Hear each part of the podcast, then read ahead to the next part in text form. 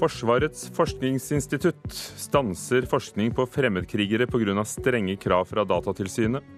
Mange låner bort hytter og hus gratis, som vi hørte i Dagsnytt, for å gi flere muligheten for ferie, men behovet er større enn tilbudet. FN reagerer mot dødsdommene mot Gaddafis sønn og åtte andre i Libya i går. De mener rettssaken ikke er i tråd med internasjonale standarder. Velkommen til Nyhetsmorgen i NRK, hvor vi også skal snakke om hvordan børsfallet i Kina påvirker Norge. I studio i dag, Ugo Fermariello. Forsvarets forskningsinstitutt, FFI, dropper å forske på personer som reiser til Syria for å delta i krigen der, pga. strenge regler fra Datatilsynet. Ifølge Datatilsynet må alle, også fremmedkrigere, varsles dersom det, norske medier har skrevet om dem, skal samles inn og brukes til forskning. Et nyhetssøk på ordene 'norske fremmedkrigere' viser nærmere 600 treff, og myndighetene anslår at minst 70 personer har reist fra Norge til Syria for å krige. På oppdrag fra Justisdepartementet fikk FFI jobben med å forske på hvorfor de drar. I praksis det vi ønska å gjøre, var å klippe og lime artikler fra type nrk.no inn i et Word-dokument, og sortere artiklene etter navnet på de personene som ble omtalt. Og Så håper vi da å supplere det, her med eventuell informasjon på åpne Facebook-grupper, eller fra Twitter. Men for at Thomas Hegghammer og hans kollegaer skal få lov til å gjennomføre dette prosjektet, så må de fortelle dem det gjelder at de blir forska på. De må informere om at de bruker den informasjonen. Sier seniorrådgiver Eirin Oda Løvseth i Datatilsynet. Det at du kan mistenkes for å ha meninger som vi ikke aksepterer, er ikke nok til å frata det en så grunnleggende rett. Så sjøl om forskerne kun skal benytte seg av informasjon som allerede ligger åpent på nett, så må de gi beskjed til alle syriafarerne de tar med i studien. Hvis du ikke får informasjon om at eh, personopplysningene dine blir brukt, så kan du heller ikke ta stilling til om det er noe du aksepterer eller ikke, eller om du har noen innvendinger mot det. Personvern handler jo om å ha en kontroll på hvem som vet hva om deg som person. Hegghammer fikk beskjeden tidligere i sommer. De får ikke unntak fra informasjonsplikten. Nei, Jeg ble jo skuffet eh, og litt overrasket. Han mener Datatilsynet legger seg på en altfor streng linje. Ifølge forskeren er det nærmest umulig å finne kontaktinformasjon på fremmedkrigerne. En del av dem er døde. Eh, mange av dem er i Syria og kjemper med IS. Eh, og de som er kommet hjem, holder en veldig lav profil.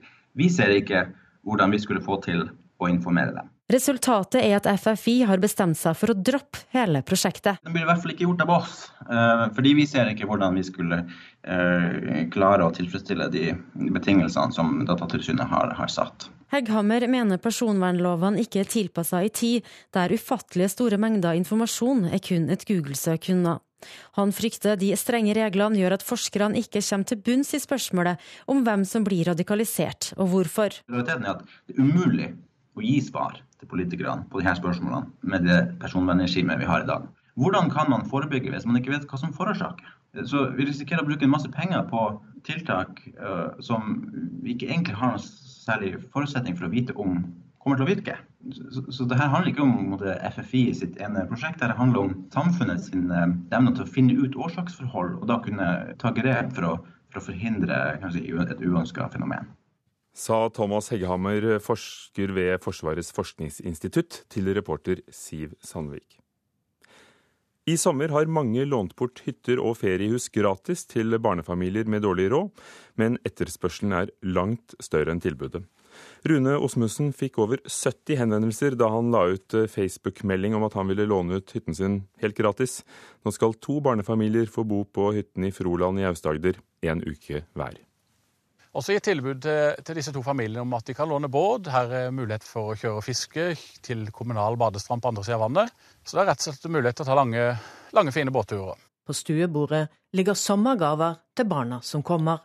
Kjøleskapet er fullt av mat, gitt bort av en lokal butikk. Jeg syns bare det er veldig fint å kunne hjelpe. Selv satt min på Rådås i Hellas når jeg posta den eh, statusen på Facebook. og jeg syns det er litt stor kontrast på at noen kan sitte i sommerparadis og kose seg, og andre da ikke har mulighet til å gi barna en sommerferie. Og flere tenker som Åsmundsen.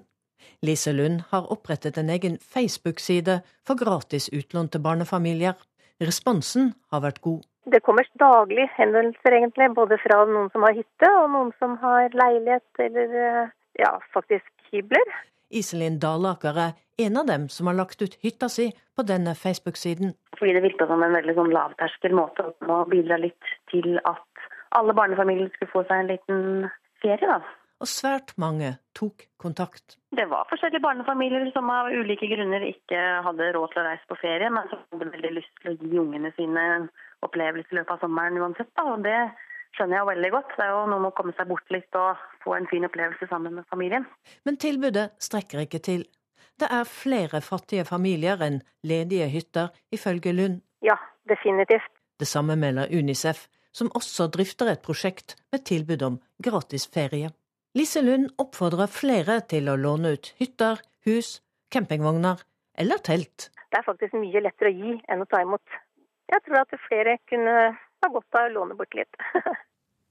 Reportere var Katrin Hellesnes og Odd Rømteland, og så hørte vi Lise Lund til slutt. Kristin Audmaier, eh, fagansvarlig for prosjektet Den ene i Unicef, eh, som eh, holder på med det dere kaller Feriesentralen. Det har dere gjort i to år. Er du enig i at det er lettere å gi enn å få? Ja, både ja og nei, vil jeg si. Jeg tror eh, altså, Terskelen for å, å, be om noe og si at man trenger noe, den er ganske høy her i Norge. Her prøver vi å fungere best mulig og virke som alle andre.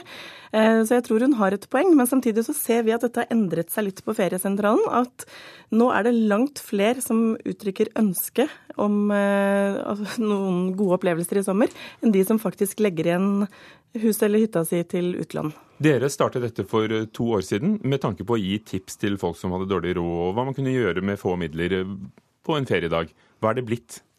Ja, Det er veldig interessant å se hvordan dette har utviklet seg de siste to årene. For det var egentlig en side øh, mer med tips om hva man kan gjøre på en regnværsdag som ikke koster penger, hvordan man kan inkludere andre i feriehverdagen sin.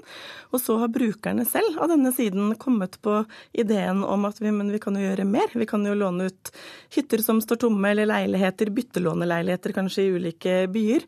Noen har øh, delt ut gratis gratisturer til Stenalein, noen familier har spandert på andre familier eller invitert dem med seg på tur. Så dette her har vokst, eh, egentlig uten vår påvirkning. Men vi ser jo at det er en gledelig utvikling, og at mange får gode ferievenner på denne måten. Er det noen dårlige erfaringer blant de gode? Nei, så langt så er det ingen dårlige erfaringer. Jeg har personlig kontaktet alle som har lagt ut annonse med hus og hytte og båt og hva det måtte være, og ingen har så langt rapportert om at noe har blitt misligholdt, eh, eller at noe har blitt ødelagt eh, på andre måter. Så det virker som om dette her fungerer veldig bra, og at folk også er veldig ydmyke og veldig, veldig takknemlige for å få muligheten. Så jeg tror de behandler det antageligvis bedre enn sitt eget hjem, altså, når de først får sjansen. Har du inntrykk av at det er flere enn før som eh, ikke kan ta seg råd til, eh, til en ferie? Nå har ikke vi jobbet med dette lenger enn to år, men vi ser jo at det i hvert fall er mye større åpenhet rundt dette. Og faktisk så var det så mange som tok kontakt med oss i begynnelsen av denne sommeren at vi måtte opprette en egen ønskeside på feriesentralen, hvor folk som da har ønske og som er i en vanskelig situasjon, kan legge igjen sine ferieønsker. Og vi vet at mange har vært innom der og tatt kontakt med familier direkte, eh, og sponset en liten tur eller invitert på hyggelig samvær. Eh, så det vi registrerer altså er vel en økt åpenhet om denne tematikken, og det er vi også glad for. At eh, man ikke er så skamfull over å ha det vanskelig i livet sitt. For prosjektet som heter Den ene, som dere driver i UNICEF, handler jo det, det om å ta vare på barn og unge. Og er det vanskelig for barn å, å møte opp på skolen til høsten uten å ha noe å fortelle? Er det, altså. Det er mange barn som begynner å grue seg allerede når skolen slutter, fordi de lurer på hva skal jeg fortelle når skolen begynner igjen, og de ser med store øyne på andre venner som reiser på spennende turer og har mange andre å være sammen med. Så dette er et problem eh, som vi bare må erkjenne. Men samtidig så har jeg lyst til å skyte inn at det å ha en god sommer og ha noe å fortelle om, det handler ikke nødvendigvis om fine reiser eller å bo på en uh, fancy hytte. Det handler egentlig om hyggelige samvær og trygge rammer.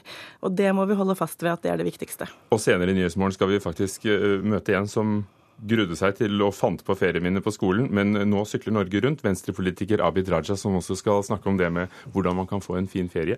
Uh, takk, Kristin Audmeier fra prosjektet Den ene og Feriesentralen i Unicef.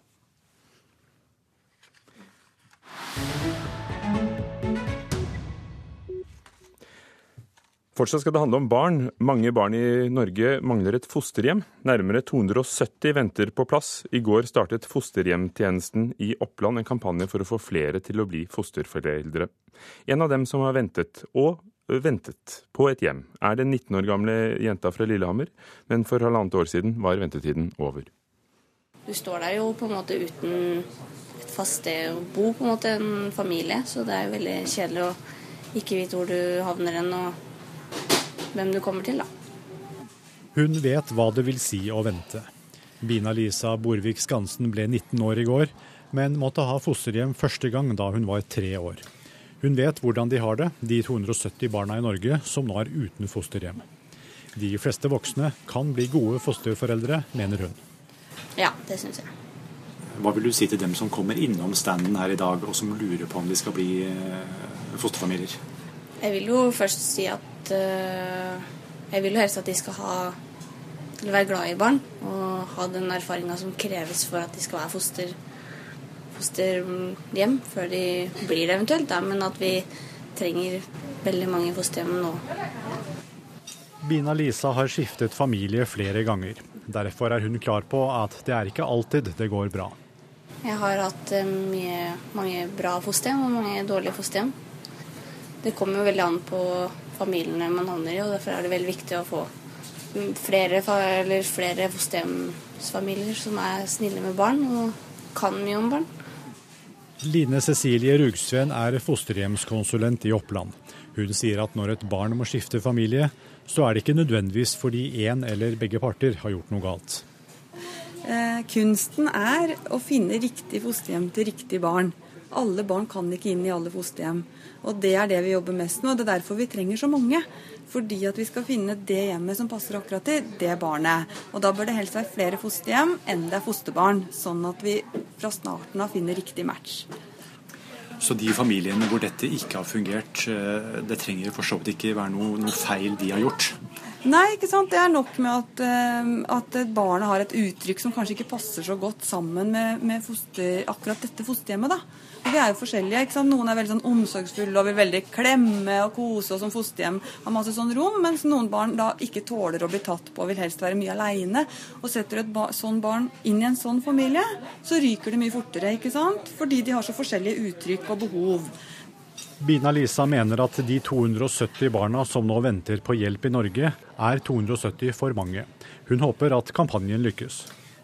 Sånn som de ventetidene som jeg har hatt imellom fosterhjemmene. De har jo, jeg har jo gått og lurt veldig på hva jeg kommer til, og om de kan det de driver med. Så det har jo vært både bra og dårlige opplevelser, egentlig. Og reporter var Dag Kessel. Klokken er 16 minutter over syv dører på Nyhetsmorgen i NRK. Hovedsaker i dag. Strenge regler fra Datatilsynet stanser forskning på fremmedkrigere som reiser til Syria. Flere låner ut hytter gratis til familier med dårlig råd, men behovet er mye større enn tilbudet. FN kritiserer dødsdommen mot Gaddafis sønn Saif al-Islam, men de som har dømt ham, er noen andre enn den som holder ham fanget. Dette skal handle mer om ganske snart her i Nyhetsmorgen. Men først til eh, rommet, eller så langt man kom. Eh, selskapet bak det private romskipet Spaceship 2 får kritikk for dødsulykken i USA i oktober i fjor. Romskipet brakk opp under en test etter at luftbremsene ble utløst for tidlig av mannskapet. Andre flygeren omkom, mens kollegaen hans unnslapp med store skader. Reporter Halvard Sandberg, eh, selskapet som bygde romskipet får kritikk etter at en menneskelig feil førte til denne ulykken. Hvordan henger det sammen? Han skulle jo nesten tro at når det er menneskelig feil, så er det menneskelig feil, og den som har bygd og driver romskipet, slipper fri og uten noe kritikk, men sånn er det altså ikke. Det har vært kjent en stund at det var en menneskelig svikt. Det si at andre piloten eller piloten, man er litt usikker på hvem som gjorde det, dro i en spak altfor tidlig. Altså noen sekunder for tidlig. Og da blei det for store krefter på romskipet, og det brakk rett og slett opp. Altså det ble utløst i 0,8 av lydens hastighet, og skulle vært utløst i 1,4 av lydens hastighet, mye høyere opp. Og da ble det for mye krefter mot det. Og Men, dette var jo en testflygning? Det er vel en del av risikoen man tar? En kalkulert risiko? Ja, man skal, sånn er det blitt nå at du eh, skal ikke dø under sånne testflyginger lenger. Det var på 50-tallet at det strøyk med veldig, veldig mange sånne piloter. Men det som er saken her nå, er at Scale Composite, som bygde dette flyet for Virgin Galactic, altså Bransons eh, lille hjertebarn, for å sende romturister ut i rommet Richard Branson, engelsk milliardær med ja. plateselskap, flyselskap og, og nå romskip? Og romskip, ja. Han er jo en kjent mann på dette. her. Så de skulle ha forstått Scaled Composite at et menneske kunne gjøre den feilen. Altså, her var det én spak, og løste du ut den, så døde du. Og da skulle du fått opplæring om at det ikke rør den spaken. Ha sikkerhetssystemer inne som gjør at det er ikke mulig å røre den spaken før den skal røres. Og eh, den, den, personen som rørte den spaken, trodde at nå var tiden inne, og det rister fælt og bråker fælt, og plutselig så utløser den en feil. Slik at de får nå kritikk. Så det er noe feil med romskipet også, og det er dette her som er det springende punktet. Fordi at hvis det bare var et menneskelig feil, så ja ja, det er ikke vår skyld i det hele tatt, men nå får de også en del av skylden. Hva er dette romfartøyet? Hva, hva skulle det? Hva blir fremtiden? Altså, Det var som du sier, under uttesting for å sende tom turister, bl.a. Leonardo DiCaprio, ut i rommet på en kort tur. Altså, Dette er folk som ikke drar ut i bane, sånn, sånn som romstasjonen er, men altså rett og slett bare hopper opp over atmosfæren, opp over 100 km, får være, oppleve vektløs tilstand i en fire til fem minutter og se at planeten vår er rund. Få se planeten fra utsiden er liksom det som er hovedtingen. Og så lander det trygt som et eh, vanlig fly etterpå, etter denne ferden som tar ca. en halvtime. Og Hva blir fremtiden for eh, romturisme? Den kommer til å skje. Det er eh, allerede 600 mennesker som har betalt 250 000 dollar for å stå i kø for å være med opp med Spaceship 2. Det neste skipet det er eh, allerede under bygging, men nå er da uttestingen forsinket med langt mer enn et år. Håpet er at i løpet av året skal de starte uttesting. Men det sa de også i 2004, når det var like før det skulle skje. Så det har tatt da elleve år før eh, noe mer skjer nå. Vi venter i spenning på, på feriekatalogen fra Spaceship 2. Takk, reporter Halvard Sandberg. FNs menneskerettighetskontor kritiserer dødsdommen mot sønnen til den tidligere diktatoren Muammar al-Gaddafi i Libya. Det gjør også Europarådet og organisasjonen Human Rights Watch. I går ble Saif al-Islam dømt for sin rolle i forsøkene på å slå ned opprøret mot faren for fire år siden, sammen med åtte andre som også ble dømt til døden. FN mener rettssaken ikke er i tråd med internasjonale standarder. Professor i Midtøsten-historie ved Universitetet i Bergen, Knut Vikør. Hvor omstridt er dette rettsoppgjøret? Ja, det er, eh, som vi hører da, eh, protester mot det i eh, internasjonale juridiske og politiske miljøer, fordi at rettsapparatet i Libya er jo ikke oppe på den standarden som en, en kan forvente. Og Domstolen i Haag har jo bedt om å få Saif al-Islam til Haag, slik at han kunne dømmes i, i domstol der. Eh, I Libya så eh, er det jo mm, nok mindre kontroversielt eh, at han blir dømt, men derimot er det jo, som vi vet, mange forskjellige maktsentre med flere regjeringer osv. i Libya som gjerne ville ha gjort det. Så de er kanskje kritikken mot at akkurat de som nå har dømt han, gjør det. De ville gjerne gjort det sjøl, de andre. Dette var jo på en måte kronprinsen til Gaddafi, Saif al-Islam, og, og, han holdes nå av en militia vest i landet. Eh, hvordan er situasjonen i Libya? Ja, Situasjonen er jo også slik det, det siste året at eh, de som eh, tapte det siste parlamentsvalget som ble holdt, Eh, flykta fra byen fordi eh, de, uh, unnskyld, de som vant siste valget, flykta fra hovedstaden fordi de som tapte, var alliert med en milits som da tok kontroll over byen. Og Da oppretta både flertallet og mindretallet hver sin nasjonalforsamling, henholdsvis i Tripoli, i hovedstaden, og i en by som heter Tobruk i øst, med hver sin regjering og hver sin hær osv. Likevel så har de to til sammen kontroll over mindre enn Eh, godt mindre enn halvparten av landet. Det meste av landet er styrt av uavhengige militser som ikke har noen spesielt forhold til noen av disse to regjeringene. Vil da, med den politiske situasjonen der, eh, et sånt rettsoppgjør ha noe å si for, eh, for å finne frem til et fungerende samfunn? Nei, dette er nok uh, en etterlatenskap etter, etter, den perioden som var slutt, da, da Gaddafi falt for to år tilbake. Han, de, Saif al-Islam ble altså arrestert i, i Sør-Libya for et par år tilbake av en milits som er alliert med denne eh, regjeringa som sitter i Tripoli, som ikke er den som verdenssamfunnet anerkjenner, for det var de som tapte siste valg. Eh, men de, denne militsen har heller ikke villet slippe, eh, vil overlevere eh, eh, Saif al-Islam til eh, sin egen regjering, kan vi si. da. Eh, så han ble jo dømt in absentia. Men når det gjelder dette med å få til fred, så er det helt andre ting. Da er det snakk om å prøve å få eh, samtaler og eventuelt få disse to regjeringene til, og nasjonalforsamlingene til å samarbeide igjen, slik de gjorde for et år tilbake. Og det er jo FN og andre prøver på det, men det er uten hell så langt. Etterretningssjefen, diktatorens siste statsminister og altså Gaddafis egen sønn ble, er blant de som ble dømt til døden. Er det sannsynlig at eh, dødsdommene vil bli fullbyrdet? Eh, ja, det er det vel. Eh, men om det akkurat vil skje nå, det, det vet vi ikke. Det, eh, det, er en viss grad av tilfeldighet her ute og går om de vil eh, la dette være brikke i et politisk spill internt eller eksternt, eller om de Eh, rett og slett nå vil eh, skaffe seg noe slags eh, poeng overfor befolkninga ved, ved, å ta livet av disse to ganske forhatte personene i, på, på kort sikt. Takk skal du ha, Knut Vikør, professor i Midtøsten-historie ved Universitetet i Bergen.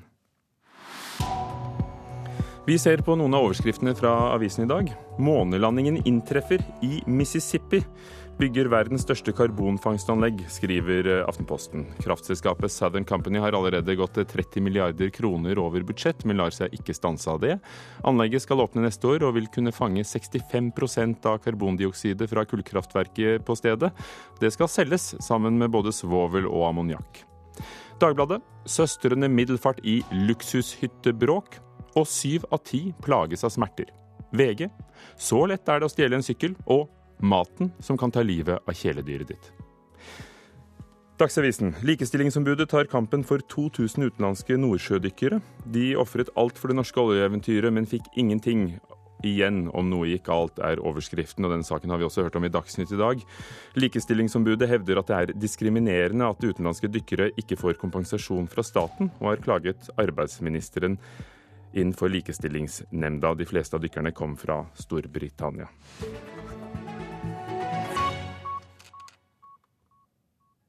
Flere norske krigsmuseer mangler menneskelige historier og et kritisk blikk i utstillingene. Det viser en ny mastergradsavhandling fra Universitetet i Stavanger. Forskeren har funnet ut at de tre museene han har undersøkt, gir et ensidig bilde av andre verdenskrig. Dette er òg et veldig egentlig, typisk tablå med en eh, motstandsmann med det du kan si er sånn erkenorske i nikkers og med treski, og som sitter i, i hytta med, med, radioen sin. Sier Morten Ånestad om utstillingen ved Rogaland krigshistoriske museum. Jeg savner kanskje litt mer at vi møter mennesker som var her, ikke bare får disse her ikonene igjen og igjen. Ånestad tar en master i historiedidaktikk ved Universitetet i Stavanger. Han har analysert hvilken historie som fortelles ved dette og tre andre krigshistoriske museer. Norges hjemmefrontmuseum i Oslo, Arkebuss i Tysvær og Dalane folkemuseum i Egersund. Han fant en ensidig framstilling av andre verdenskrig. En tegnet bilde av at eh, nordmenn var sterke, stolte og gode, og hadde sin, sitt fulle hyre imot eh, mot ren ondskap svart-hvitt-fortelling der en ikke eh, utfordrer det med krig så mye. Du møter ikke den tyske soldaten med heimlengsel, du møter en uniform. Museet i den gamle Soma-leiren i Sola er bygget opp av entusiaster og samlere, men er nå overtatt av Jærmuseet. En kan kalle det sånn en antikvarisk eh, militærutstilling. Her, som hos de andre, savner han historien om det han kaller resten av krigen. Om de som tok dårlige valg, sykesøstrene, mødrene, de nyforelskede som endte i skam, og om redselen til de tyske soldatene. En ser en tendens til at en, at en lufter opp Eh, seg sjøl og, og, sine gjerninger, og, og helst hysjer ned det som er kritikkverdig eh, fra Norges side. Rogaland krigshistoriske museum har f.eks. Eh, timevis med, med, intervju med, med tidsvitner fra begge sider av eh, krigen, som de sitter på. Ja, Det er noe vi må se på. sier Sondre B. Wam, som er driftsleder for Fly og krig i Jærmuseet. Oslo. Vidkun Quisling, den norske regjerings nye sjef, gir nå en erklæring til det norske folk. 75-årsmarkeringen for invasjonen av Norge i år, samt utallige bøker og filmer de siste årene, viser at interessen for andre verdenskrig fortsatt er stor. Ja, det er klart viktig å fortelle historien, men hvordan man skal fortelle historien, det er noe av det vi skal se nærmere på nå utover høsten, før vi virkelig setter i gang med prosjektering av utstillingen. For nå skal Krigshistorisk museum slås sammen med Flyhistorisk museum i Sola.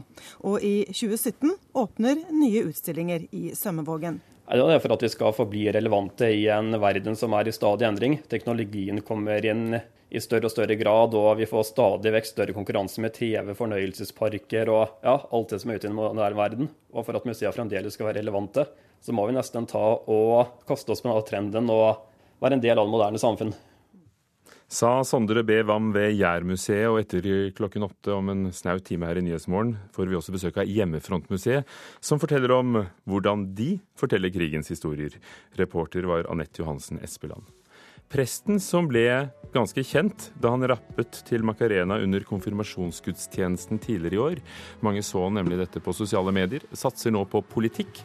Vi møter ham etter Dagsnytt her i Nyhetsmorgen.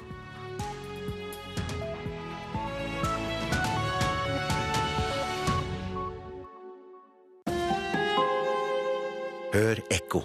Kunne du tenkt deg å kle den lille gutten din i rosa?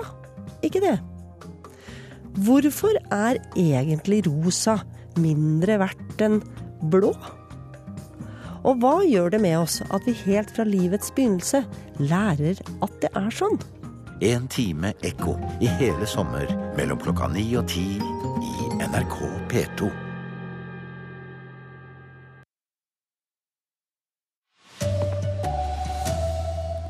Det blir ikke noe av forskning på fremmedkrigere. Datatilsynet kommer med strenge krav. Mange låner bort hytter og fritidshus gratis i sommer, men behovet er større enn tilbudet. Og myndighetene i Zimbabwe jakter på en amerikaner etter at han skal ha felt en berømt løve ulovlig. Her er NRK Dagsnytt klokka 7.30. Forsvarets forskningsinstitutt dropper å forske på unge som drar til Syria for å delta i krig. Årsaken er strenge regler fra Datatilsynet, for fremmedkrigere må varsles dersom det norske, det norske medier har skrevet om dem skal kunne brukes til forskning, mener Datatilsynet. Et nyhetssøk på ordene 'norske fremmedkrigere' viser nærmere 600 treff, og myndighetene anslår at minst 70 personer har reist fra Norge til Syria for å krige.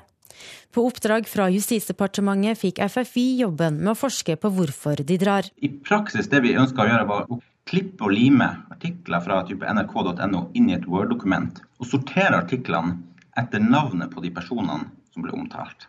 Og Så håper vi da å supplere det, her med eventuell informasjon på åpne Facebook-grupper, eller fra Twitter. Men for at Thomas Hegghammer og hans kollegaer skal få lov til å gjennomføre dette prosjektet, så må de fortelle dem det gjelder at de blir forska på. Personvern handler jo om å ha en kontroll på hvem som vet hva om deg som person. Sier seniorrådgiver Eirin Oda Løvseth i Datatilsynet. Hvis du ikke får informasjon om at eh, personopplysningene dine blir brukt, så kan du heller ikke ta stilling til om det er det noe du aksepterer eller ikke, eller om du har noen innvendinger mot det. Så selv om forskerne kun skal benytte seg av informasjon som allerede ligger åpent på nett, så må de gi beskjed til alle syriafarerne de tar med i studien. En del av dem er døde. Eh, mange av dem er i Syria og kjemper med IS. Eh, og de som er kommet hjem, holder en veldig lav profil. Vi ser ikke hvordan vi skulle få til å informere dem. Resultatet er at FFI har bestemt seg for å droppe hele prosjektet. Realiteten er at det er umulig å gi svar til politikerne på disse spørsmålene med det personvernregimet vi har i dag. Reporter var Siv Sandvik. En 24-åring skjøt med våpenet til en politibetjent inne på politihuset i Stavanger i går kveld. Mannen fikk tak i våpenet etter at han begynte å slåss med en politibetjent. Kvart over ti på kvelden møtte mannen opp på politihuset. Da han ble sluppet inn, hoppet han over skranken og angrep en politibetjent. Så klarte han å få tak i våpenet i hylsteret til betjenten. Ingen ble truffet av skuddet. Etterpå klarte politibetjentene å få kontroll på 24-åringen. Mannen er norsk statsborger og bor i Rogaland, opplyser politiet i en pressemelding. Reporter var Haldor Asvald. Denne sommeren har mange lånt bort hytter og feriehus gratis til barnefamilier med dårlig råd. Men etterspørselen er langt større enn tilbudet. Rune Åsmundsen fikk over 70 henvendelser da han la ut en Facebook-melding om gratis hytteferie. Nå skal to barnefamilier få bo på hytta i Froland én uke hver. Også gitt tilbud til, til, disse to familiene om at de kan låne båt. Her er mulighet for å kjøre og fiske til kommunal badestrand på andre siden av vannet. Så det er rett og slett mulighet til å ta lange, lange fine båtturer. På stuebordet ligger sommergaver til barna som kommer. Kjøleskapet er fullt av mat, gitt bort av en lokal butikk. Jeg syns bare det er veldig fint å kunne hjelpe. Selv satt min på Rådås i Hellas når jeg posta den eh, statusen på Facebook. og jeg syns det er litt stor kontrast på at noen kan sitte i sommerparadis og kose seg, og andre da ikke har mulighet til å gi barna en sommerferie. Og flere tenker som Åsmundsen. Lise Lund har opprettet en egen Facebook-side for gratis utlån til barnefamilier. Responsen har vært god. Det kommer daglig henvendelser, egentlig, både fra noen som har hytte, og noen som har leilighet eller ja, faktisk hybler. Men tilbudet strekker ikke til. Det er flere fattige familier enn ledige hytter. Ja, definitivt. Det samme melder Unicef, som også drifter et prosjekt med tilbud om gratis ferie. Lise Lund oppfordrer flere til å låne ut hytter, hus, campingvogner eller telt. Det er faktisk mye lettere å gi enn å ta imot. Jeg tror at flere kunne ha godt av å låne bort litt. ja, reportere her var Katrin Hellesnes og Odd Rømteland. Letemannskaper har funnet 14-åringen som ble savnet i Østfold i går. Gutten som er fra Tyskland, kom bort fra turfølget sitt ved innsjøen Store Le i Aremark på grensen mellom Norge og Sverige i går ettermiddag. Operasjonsleder i Østfold politidistrikt Jon Erik Nilsen sier de fant ham kvart på to i natt. Da ble han funnet av mannskapet fra Røde Kors eh, i nærheten av Buretjern i Aremark. Dette er et område hvor det er eh, mye skog og mye tjern. Vanskelig å komme fram. Der hadde han tatt seg inn i ei hytte og ble funnet sovende, tørr, varm og i god behold. Hva slags mannskaper har vært i sving det siste halve døgnet for å lete etter gutten? Ja, I tillegg til våre egne mannskaper i form av innsatsledere og hundepatruljer, så har vi fått eh, svært god bistand av Røde Kors eh, og norske redningshunder. De har gjort en eh, kjempejobb i forbindelse med søket til gutten. Jon Erik Nilsen intervjuet til Haldor Asvald. Mange barn i Norge trenger fosterhjem. Nesten 270 barn venter nå på plass. I går startet fosterhjemstjenesten i Oppland en kampanje for å få flere til å bli fosterforeldre. En av dem som har ventet og ventet, er ei 19 år gammel jente fra Lillehammer. Men for halvannet år siden var ventetiden over. Du står der jo på en måte uten et fast sted å bo, på en måte en familie. Så det er jo veldig kjedelig å ikke vite hvor du havner hen og hvem du kommer til, da. Hun vet hva det vil si å vente. Bina-Lisa Borvik Skansen ble 19 år i går, men måtte ha fosterhjem første gang da hun var tre år. Hun vet hvordan de har det, de 270 barna i Norge som nå er uten fosterhjem.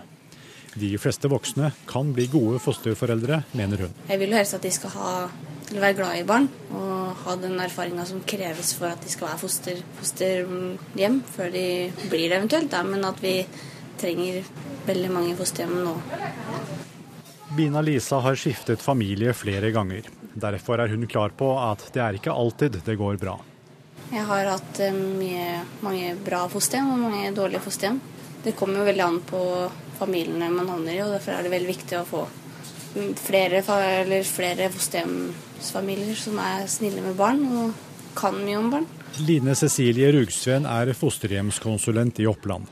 Hun sier at når et barn må skifte familie, så er det ikke nødvendigvis fordi én eller begge parter har gjort noe galt. Kunsten er å finne riktig fosterhjem til riktig barn. Alle barn kan ikke inn i alle fosterhjem. Og da bør det helst være flere fosterhjem enn det er fosterbarn, sånn at vi fra starten av finner riktig match. Reporter her var Dag Kessel. En amerikansk turist som drepte en berømt løve i Zimbabwe tidligere denne måneden, er nå identifisert. Det viser seg at han tidligere har vært tatt for ulovlig jakt. Det er mange turister som har filmet Cæsar. Den 13 år gamle hannløven var en av hovedattraksjonene i Havange nasjonalpark. Ifølge myndighetene i Zimbabwe ble han lokket ut av den beskyttende parken og over på privat grunn. Der sto den amerikanske tannlegen James Walter Palmer, som skal ha betalt 50 000 dollar til grunneier og en guide. Eh, Vi mistet et ikon, forteller Emanuel Fundira, som leder interesseorganisasjonen for safarioperatører i landet. Cecil sto våre hjerter nær, sier han. Løven hadde et halsbånd. Det betyr at den var under overvåking. Det er ikke forbudt å drepe løver i Zimbabwe, men grunneier hadde ikke fellingstillatelse, så han og guiden står nå foran et rettslig oppgjør. Hva som videre vil skje med tannlegen er ikke klart.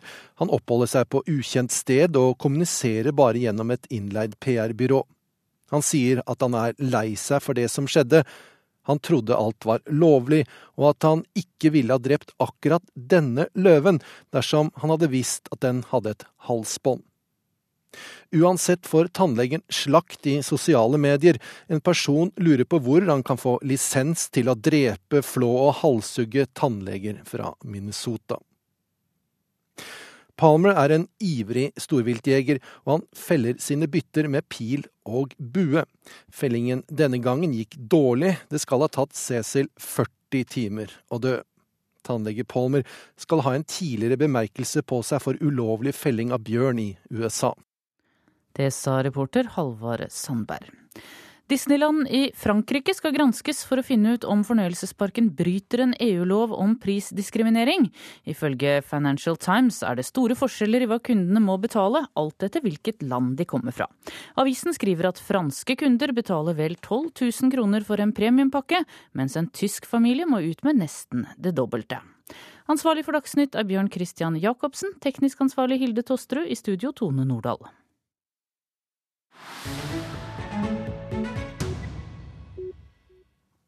Og her i Nyhetsmorgen skal vi snart snakke om hvordan eh, børsfallet i Kina kan påvirke Norge, og om det virker, det kommunistregimet gjør for å demme opp for eh, økonomiens fall. Men aller først til Libya, som vi hørte tidligere i Nyhetsmorgen. Er både FN og Europarådet og Den internasjonale krigsdomstolen bekymret for rettssaken som fant sted i Libya i går. Der ble sønnen til den tidligere diktatoren Muammar al-Gaddafi dømt til døden sammen med åtte andre topper fra Gaddafis regjering. Sønnen til Gaddafi ble en gang i tiden oppfattet som den kanskje mest reformvennlige i det libyske regimet. I går ble han dødsdømt for sin rolle i forsøkene på å slå ned opprøret mot faren for fire år siden.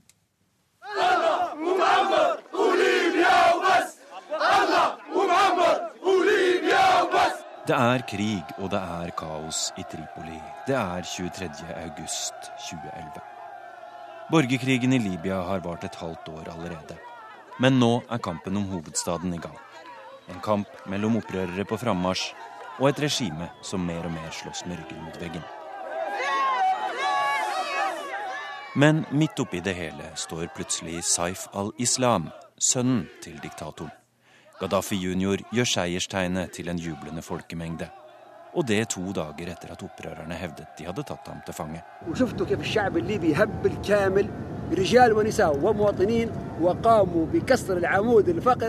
Det libyske folket har reist seg sammen for å knekke ryggraden på disse rottegjengene, sier 40-åringen med velpleid skjegg, runde briller uten innfatning og militærgrønn T-skjorte. Før han inviterer fjernsynskameraene med på en kjøretur i Tripoli. Vi vil vise verden at alt står bra til her, sier Saif al-Islam. Fem dager senere faller Tripoli til opprørerne. Siste spørsmål og svar gir et pek om hva som skal komme.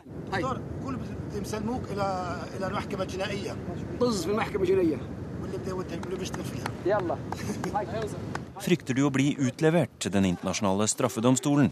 spør en stemme på arabisk. Domstolen kan dra til helvete, svarer Gaddafi jr., gliser og går mot jeepen. تختلف التهم الموجهة لسبعة وثلاثين متهما من رموز النظام السابق vi spoler fram nesten fire år i tid, til TV-overføringen fra en rettssal i Tripoli i går formiddag. Saif al-Islam er ikke til stede når dommen mot ham leses opp. Sabotasje, korrupsjon, plyndring, bortføring drap, krigsforbrytelser og oppfordring til folkemord, lyder tiltalen. Døden ved skyting, lyder dommen. Den internasjonale straffedomstolen i Haag ville gjerne ha Gaddafis sønn utlevert. Men i stedet ble han stilt for retten her, i et rettssystem menneskerettighetsaktivister har liten trua på, i et Libya som har sklidd ut i politisk splittelse og fullt kaos. Hovedpersonen har de siste fire åra sittet fanget hos en militsgruppe sørvest i landet, som ligger i strid med myndighetene i Tripoli. Myndighetene i Tripoli kaller seg islamister, og ligger igjen i strid med en annen og internasjonalt anerkjent regjering, som har måttet flykte lenger øst i Libya. Det er et sørgelig skue, uansett hvilket blikk du ser på det med. This is our country. We live here, we die here. Libyan nation is so united now. We are so strong. Dette er vårt land, her lever vi, og her dør vi. Den libyske nasjonen er så forenet og så sterk, sier Saif al-Islam i et engelskspråklig intervju fra mars 2011.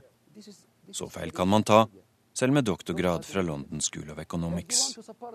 Nå sier Gaddafi junior ingenting, men da saken mot ham startet i fjor, sa han at han er ikke redd for å dø. Men om han først skal bli henrettet etter en rettssak som dette, så kan vi like gjerne kalle det et drap og bli ferdig med det.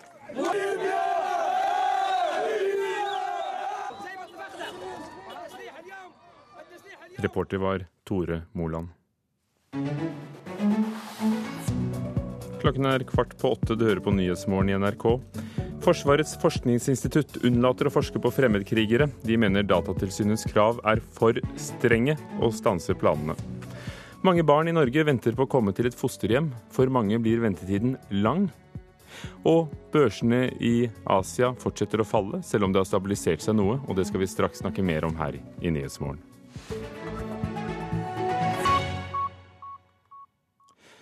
Det kinesiske aksjemarkedet har fortsatt å falle i natt, og er inne i en turbulent tid. Denne uken har pilene pekt bratt nedover. Mandag opplevde landet sitt, sitt største børsfall siden 2007. Denne uken har vist seg å bli en av de mindre hyggelige ukene for investorer med penger i det kinesiske markedet.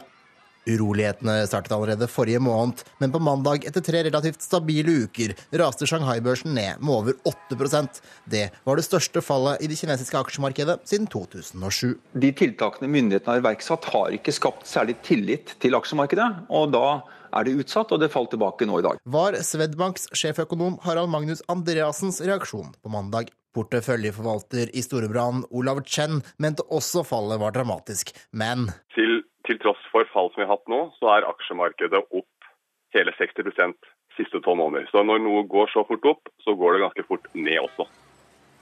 Så langt denne uken er Shanghai Composite-indeksen ned over 11% og for fjerde dag på rad fortsatte børsene i Beijing å falle i natt. Men utviklingen er likevel ikke så dramatisk som tidligere. Composite-indeksen falt med nye 0,2 mens CSI 300-indeksen, listen over de største selskapene i Shanghai og Shenzhen, falt med 0,4 Reporter var Kent Amar Eriksen. Børsene i Kina fortsetter altså å se rødt, men har stabilisert seg litt i natt etter et kraftig fall. Ole André Kjennerud, økonom og Kina-kjenner i DNB Markets. Hvordan tolker du det du har sett på de asiatiske børsene eh, i natt norsk tid? Da? Det er jo dag der. Nei, Nå er det forholdsvis små bevegelser som vi har sett så langt. Eh, og det kan jo tyde på at myndighetene fortsatt er inne i markedet for å forhindre en, en like brå nedgang som vi så på mandag. Hvor mye gjelder dette utenfor Kina, altså utover i andre asiatiske land? Vi ser en litt svakere tendens i, i resten av Asia også. Eh, det var også nedgang i Europa og USA på mandag, men så var det opp igjen i går. Eh, så, så langt så ser det ut til å være avgrenset til de asiatiske økonomiene. Du blir sitert i Bergens Tidende i dag eh, på at krasjer Kina, blir det krise i Norge. Utviklingen i Kina rammer oss direkte. Eh, hvor direkte? Nei, Det er via oljeprisen. Eh, Kina er den desidert viktigste økonomien for utviklingen i etterspørselen av olje. Og hvis Kina skulle gå inn i en økonomisk krise, så vil det automatisk gi lavere oljepriser og sånn sett svakere aktivitet i Norge pga. lavere investeringer eh, i eh, oljesektoren. Altså enda lavere oljepriser enn nå? I hvert fall lavere oljepriser enn det vi legger til grunn nå. Vi venter jo at oljeprisen skal videre opp fremover, men det er vanskelig å se for seg hvis Kina skulle krasje. I går hørte vi her i Nyhetsmorgen om at 50 millioner leiligheter i Kina er bygd, men står tomme. At folk har lånt og lånt, at det er en kredittboble. Eh, hvordan mener du at det som skjer i Kina påvirker ikke så mye oss, men kinesere? Nei, det, det, er vanskelig å si sånn, hvordan det påvirker kinesere her og nå. Det vi ser er at det kinesiske markedet har mange ubalanser. Eh, aksjemarkedet er ett av de ubalansene. Eh, og det vil fortsette å være ubalanser så lenge myndighetene fortsetter å føre en veldig streng kontroll på hvordan husholdningene kan spare, og, og fortsetter å ha en veldig restriktiv politikk på velferdsutvikling f.eks. Det, det bidrar til mye sparing og, og en lite produktiv fordeling av den sparingen. Men samtidig sier du at det myndighetene gjorde for å, for å stanse børsfallet, det virket. Så, så, når myndighetene først kontrollerer markedet, kanskje de da også må kontrollere børsene? Ja, jeg, jeg er litt skeptisk til måten de intervenerte, altså. Eh, det virket for å forhindre et videre fall. Men jeg tror det har vært veldig negativt for tilliten til børsen på lang sikt. Men nå klarer vel ikke du å få innført eh, full eh, kapitalisme i Kina med det første, siden det er et kommunistisk land. Hvordan tror du fremtiden ser ut for kinesisk økonomi? Nei, På lang sikt så, så tror jeg nok at Kina vil få større behov for internasjonal kapital. Det vil få større behov for eh, penger fra vestlige investorer. Og dersom de skal få til det, er de nødt til å tilpasse seg eh, de reglene man også spiller med her i Vesten. Med eh, mer frie markeder, mer respekt for private institusjoner, slik man ikke ser i Kina i dag. Takk skal du ha, Ole André Kjennerud, økonom fra DNB Markets. En prest som ble kjent for ganske mange som Macarena-presten. Det var da han rappet bibelhistorien til Macarena på en konfirmasjonsgudstjeneste litt tidligere i år, stiller nå opp i politikken. For i høst handler alt om kommunevalget for Finn Rindal i Nesna i Nordland, når han er SVs toppkandidat.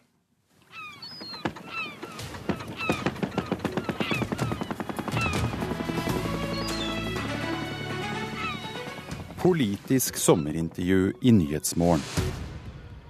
Jeg heter Finn Rindal og jeg er 43 år. Og jeg står da som uh, førstekandidat for uh, Sosialistisk Venstreparti her i, uh, i, Nesna på Helgeland. Du har holdt på deg for å være Macarena-presten. Den historien vil jeg at du skal fortelle.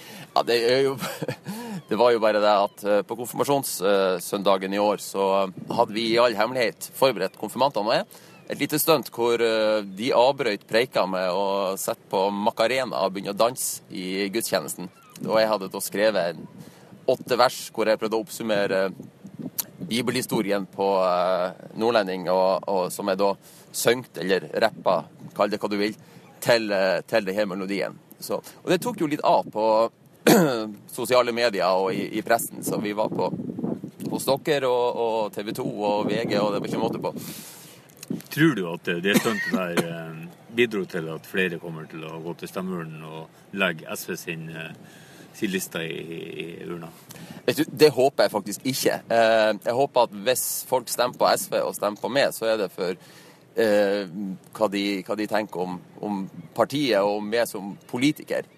Jeg ønsker ikke å bruke min posisjon som prest til å, til å rekruttere folk til, til, å, til, å, stemme på meg ved et politisk valg. De to tingene må vi holde fra hverandre. To korte setninger som beskriver eh, Nesna. Ja, Nesna er jo en uh, høgskolekommune og en kystkommune. Uh, høgskoler er hjørnesteinsbedrifter og, og, det som har forma samfunnet mye godt. Men samtidig så ligger vi på kysten med tre øyer, et tettsted. Og uh, kombinerer liksom utkant med å være et uh, bitte lite tettsted. Hva er de sentrale stridsspørsmålene i, i din kommune? Jeg tror ikke det er så mange store stridsspørsmål internt i kommunen. Det er klart Vi har våre ting, vi er gjennom skatt og ikke og sånne ting som vi diskuterer. Men de store utfordringene som Nesna står overfor, er vel i grunnen mer utenfra. Og der er vi eh, forhåpentligvis samla, i hvert fall i hva vi ønsker å oppnå. Så har vi kanskje litt uenighet om hvordan vi skal, hvordan vi skal oppnå det. Hva slags saker er det? Det er jo alle de her store reformene som kommer nå. De her sentraliseringsreformene som har eh, fine navn ifra, ifra de blå-blå. Som utfordrer oss veldig. Det er kommunereform, det er høgskolereformen. Eh, politireform i forhold til helsedistrikt. Det, det er mange ting som gjør framtida litt usikker for oss. Mm. Hva er konsekvensene for politireformen i Nesna? Ja, Det gjenstår jo litt å se. Eh, Nå er det jo politimesteren som da skal og Politidirektoratet som skal organisere og, og velge om vi fortsatt skal ha et lensmannskontor på Nesna eller ikke. Det er veldig viktig for oss å ha det, men det er jo på en måte litt ut av våre hender. Men eh, både i forhold til politireformen og, og vi har også en annen sak oppe om vi skal få beholde ambulansen stasjonert her på Nesna. Så det er saker hvor det er veldig viktig at vi, selv om det ikke, om det ikke er politiske beslutninger som sådan, at vi står på og jobber og driver lobby for de som skal bestemme det her og får fram hvor viktig det er for oss at, eh, at vi beholder dette her. Nærpoliti er en veldig viktig ting for tryggheten. Det er også det å ha en ambulanse på denne sida av Sjonkjell. I dag er jo nesten en, en høyrestyrt kommune. Hvis du får makt, hva er de viktigste tingene du vil gjennomføre? hvis du kommer i posisjon? Våre viktigste saker er jo knytta til det her med, med utdanning. Styrke skoler. Eh, gjerne ha flere stillinger. Vi har veldig gode skoler, vi har veldig gode barnehager, men vi kan bli enda bedre. og Det vil være veldig viktig. Jeg tenker at Den største utfordringa for nesten de fire årene det er at alle partiene klarer å trekke i lag og arbeide i lag for å ta kampen for Nesna. Og Min viktigste fanesak blir nettopp det, å prøve å bidra til at vi får et godt samarbeidsklima i kommunestyret. Det har det vel skorta litt på. Hvorfor det? Det må du nesten spørre de som sitter i kommunestyret nå om. Men du tar ikke del av ansvaret for det? Vel, altså, de gjorde en, en etter min mening veldig uheldig hestehandel da, da Arbeiderpartiet skaffa Høyre flertall for at de skulle få ordføreren, og så forlot de det samarbeidet etter kort tid. Så Det har resultert i at vi har en Høyre-ordfører, men samtidig så er det på en måte de rød-grønne, Senterpartiet, SV og Arbeiderpartiet, som har, uh, har stått for flertallet i kommunestyret. Og Det har skapt et, et et, ugunstig klima. og jeg tenker Utfordrende både for kommunestyret, men òg for, for hun som har vært ordfører, og, og skal være ordfører uten å ha flertall bak seg. Mm. Hva er det i partiprogrammet til Sosialistisk Venstreparti som du er uenig i?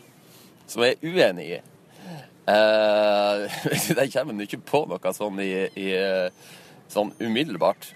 Altså, det viktigste for meg er jo faktisk i forhold til SV at vi får enda bedre fram eh, noe av den politikken vi står for. Og da tenker jeg særlig på, på dette med distriktspolitikk. For der, der, mener jeg at vi faktisk er best i klassen, eh, både i forhold til landbrukspolitikk og fiskeripolitikk. Men samtidig er det jo forsmedelig at hver gang dere i NRK og andre skal intervjue noen om det her, så er det Senterpartiet som blir oppringt. Så eh, jeg skulle ønske at vi klarte å profilere oss mer på det. Og eh, skulle gjerne sett flere SV-politikere i, eh, i felleskjøpekjeldres, og, og, ikke bare i sykkelhjelm. Hvis eh, dere kommer til makt etter valget, hvem ser du helst at dere samarbeider med? På Nesna så vil det nok være mest naturlig at, uh, at vi i Arbeiderpartiet uh, søker i hop. Vi har også et veldig godt samarbeid med, med Senterpartiet. Men ærlig talt så, så, håper jeg jo at vi kan få et såpass godt valgresultat at kanskje, kanskje SV og Arbeiderpartiet har flertall alene. Jeg tenker at, at vår politiske hovedmotstander, det er det er de som, eh, de som ikke stemmer, de som ikke møter opp. Eh, og særlig med dette valget hvor Fremskrittspartiet ikke sier arrester, så er jeg redd for at det er mange som, som, som kommer til å sitte hjemme. Og da er det desto viktigere at vi som, vi som er der, at, uh, at, vi klarer å på en måte fange opp alt det folk mener, og, og representere hele folket. Få alle med i en, i en dugnad for Nesna. For det var godt valg. Takk for det. Lars Petter Kaltenberg hadde møtt Finn Rindal fra SV i Nesna i Nordland. Her i Nyhetsmorgen ser vi på et værvarsel frem til midnatt. Fjell i Sør-Norge, nordøstlig bris, skyet, regnbyger, kan hende med torden. Østland og Telemark for det meste skyet, regnbyger. Sør for Mjøsa lokalt kraftige byger med torden. Agder Nordøstlig bris på kysten øst for Lindesnes periodevis frisk bris. Lenger eh, vestover ventes eh, nordvestlig bris, og fra i ettermiddag frisk bris. For det meste skyet, regnbyger, lokalt kraftige byger med torden. Rogaland og Hordaland. Fra i ettermiddag nordlig liten kuling nord i fylket. Først på dagen, eh, altså i Hordaland, først på dagen oppholdsvær i ytre strøk. For øvrig regnbyger, kan hende med torden.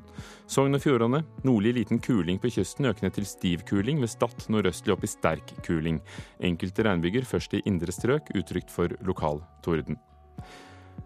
Møre og Romsdal nordøstlig periodevis liten kuling på kysten, stiv kuling i sør. Enkelte regnbyger, vesentlig i indre strøk, kan hende med torden. Trøndelag.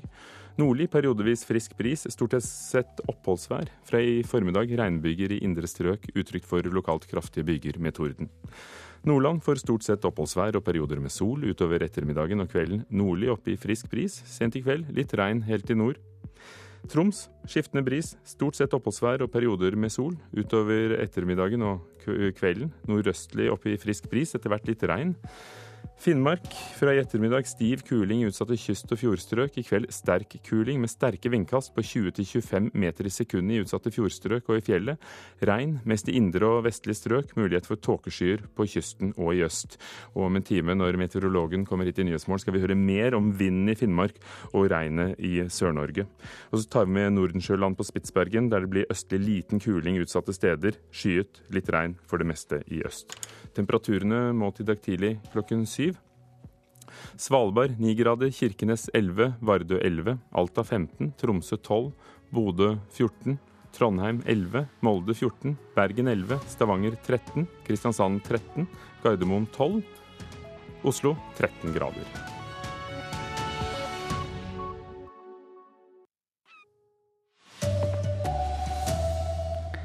En er død etter at 1500 flyktninger prøvde å ta seg inn i tunnelen mellom Frankrike og Storbritannia i natt.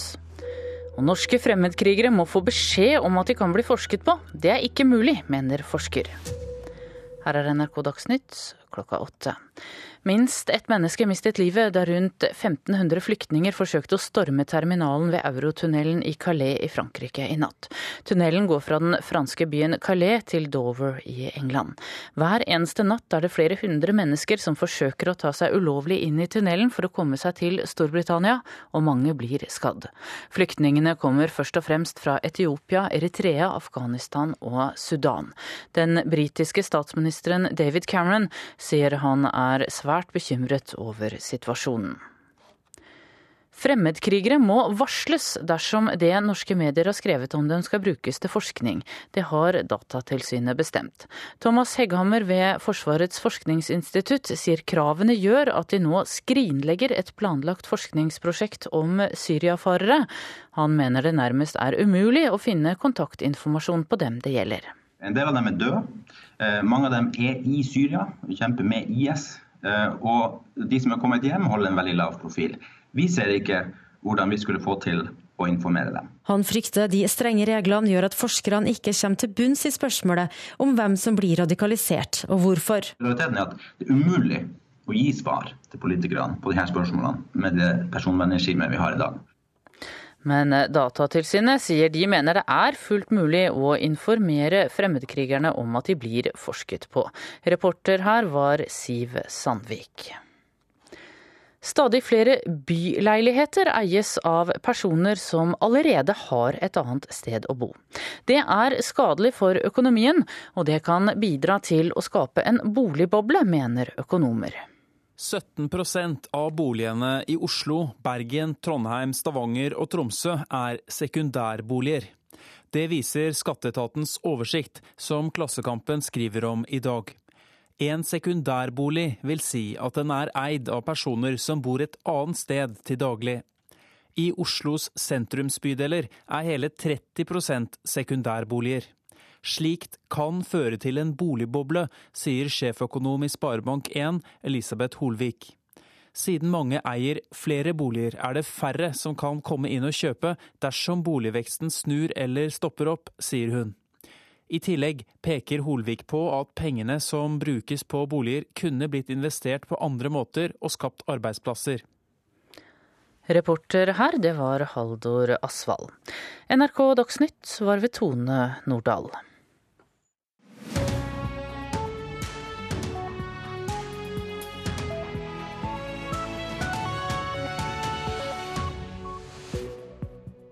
1500 flyktninger forsøkte å komme seg inn i tunnelen under Den engelske kanal i natt. Det skal vi høre mer om i løpet av Nyhetsmorgen. Norske myndigheter diskriminerer utenlandske nordsjødykkere, ifølge Likestillings- og diskrimineringsombudet. Krigsmuseer i Norge mangler menneskelige historier og kritisk blikk i utstillingene, viser en ny universitetsoppgave. Hjemmefrontmuseet er blant dem som er blitt undersøkt, og som kommer hit til Nyhetsmorgen. Microsoft oppdaterer Windows. Hvordan vil det se ut, og hvem vinner kampen om datamaskinene våre? Dette er eh, blant sakene her i Nyhetsmorgen frem til klokken ni i NRK. I natt har flyktninger igjen forsøkt å storme den undersjøiske tunnelen mellom Frankrike og Storbritannia. Omtrent 1500 mennesker tok seg inn i området ved terminalen i den franske kystbyen Calais. Utenriksmedarbeider Halvard Sandberg, dette er andre natt på rad at store grupper forsøker eh, å, å trenge inn i tunnelen. Hvorfor nå? Hva skjer?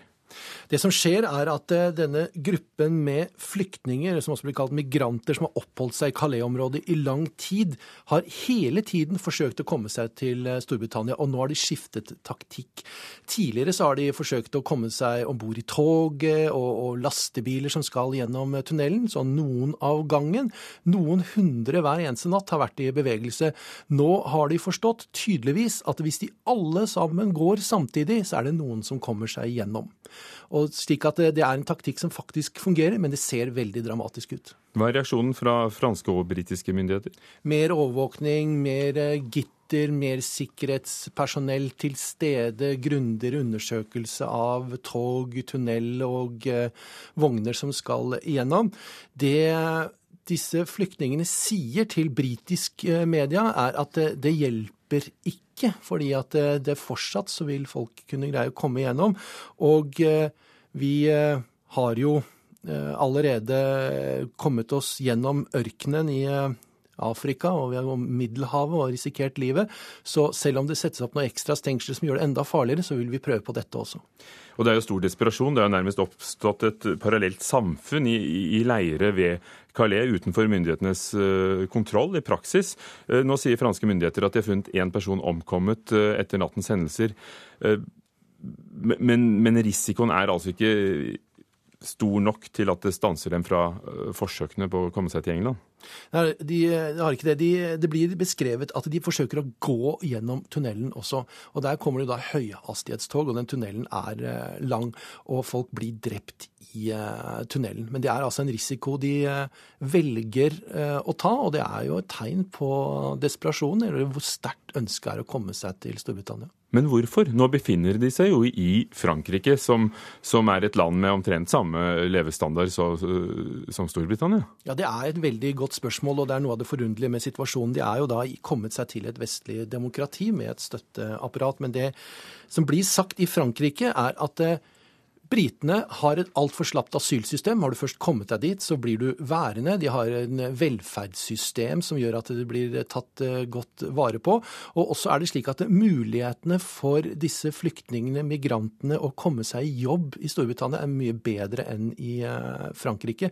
Fordi at det er eh, det som blir kalt en slappere kontroll av ulovlig arbeidskraft i Storbritannia. Så Derfor er det et sterkt ønske om å komme til Storbritannia. Takk, Halvard Sandberg. Norske myndigheter diskriminerer utenlandske nordsjødykkere, mener Likestillings- og diskrimineringsombudet. Utenlandske dykkere var involvert i flesteparten av ulykkene på norsk sokkel i årene fra 1965 til 1990. Og mens de norske dykkerne har fått flere millioner kroner i erstatning, har mange utenlandske, gjerne britiske, ikke fått en eneste krone, skriver Dagsavisen i dag.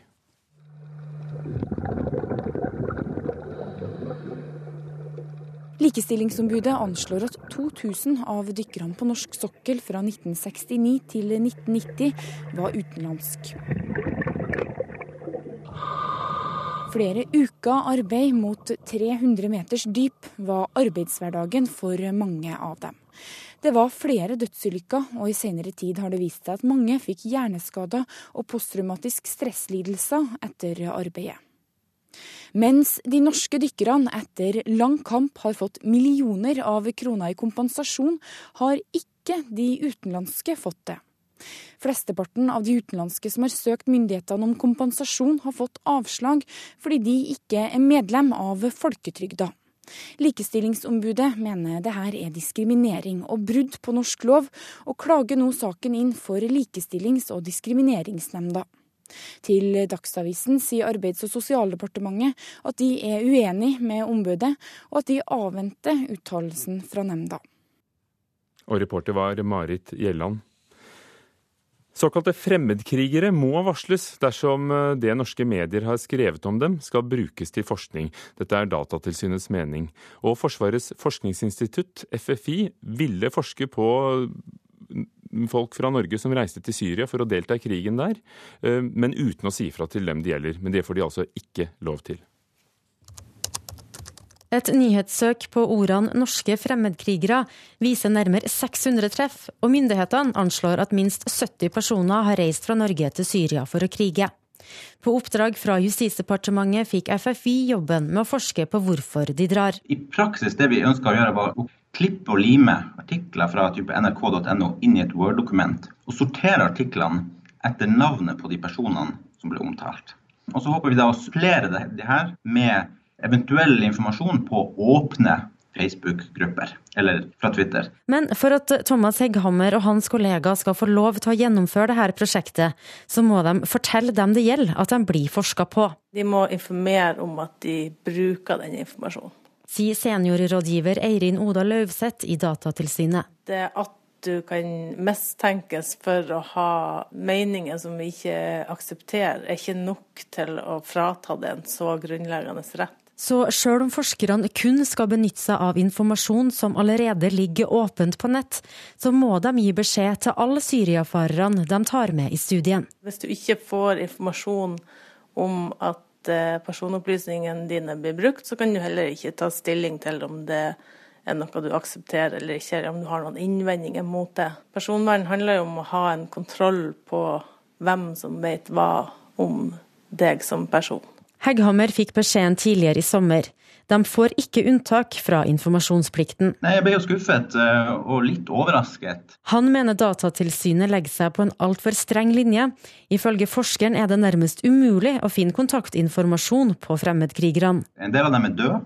Eh, mange av dem er i Syria og kjemper med IS. Eh, og de som er kommet hjem, holder en veldig lav profil. Vi ser ikke hvordan vi skulle få til å informere dem. Resultatet er at FFI har bestemt seg for å droppe hele prosjektet. Det blir i hvert fall ikke gjort av oss, eh, fordi vi ser ikke hvordan vi skulle klare å tilfredsstille de betingelsene som Datatilsynet har, har satt. Hegghammer mener personvernlovene ikke er tilpassa i tid der ufattelige store mengder informasjon er kun et Google-søk unna. Han frykter de strenge reglene gjør at forskerne ikke kommer til bunns i spørsmålet om hvem som blir radikalisert, og hvorfor. Realiteten er at det er umulig å gi svar til politikerne på disse spørsmålene med det personvernregimet vi har i dag. Hvordan kan man forebygge hvis man ikke vet hva som forårsaker? Så Vi risikerer å bruke masse penger på tiltak uh, som vi ikke egentlig har noen særlig forutsetning for å vite om kommer til å virke. Så, så det her handler ikke om måte, FFI sitt ene prosjekt, det handler om samfunnets uh, evne til å finne ut årsaksforhold og da kunne ta grep for å, for å forhindre si, et uønska fenomen sa Thomas Hegghammer, som er forsker ved Forsvarets forskningsinstitutt. Reporter Siv Sandvik. Og det skal fortsatt handle om Forsvaret. Flere norske krigsmuseer mangler menneskelige historier og et kritisk blikk i utstillingene sine. Det vises i en ny mastergradsavhandling ved Universitetet i Stavanger. Ifølge analysen som er gjort der, gir museene en ensidig og mangelfull fremstilling av andre verdenskrig. Dette er òg et veldig egentlig, typisk tablå med en eh, motstandsmann med det du kan si er sånn erkenorske i nikkers og med treski, og som sitter i, i hytta med, med, radioen sin. Sier Morten Ånestad om utstillingen ved Rogaland krigshistoriske museum.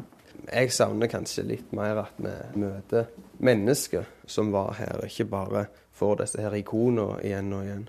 Ånestad tar en master i historiedidaktikk ved Universitetet i Stavanger. Han har analysert hvilken historie som fortelles ved dette og tre andre krigshistoriske museer.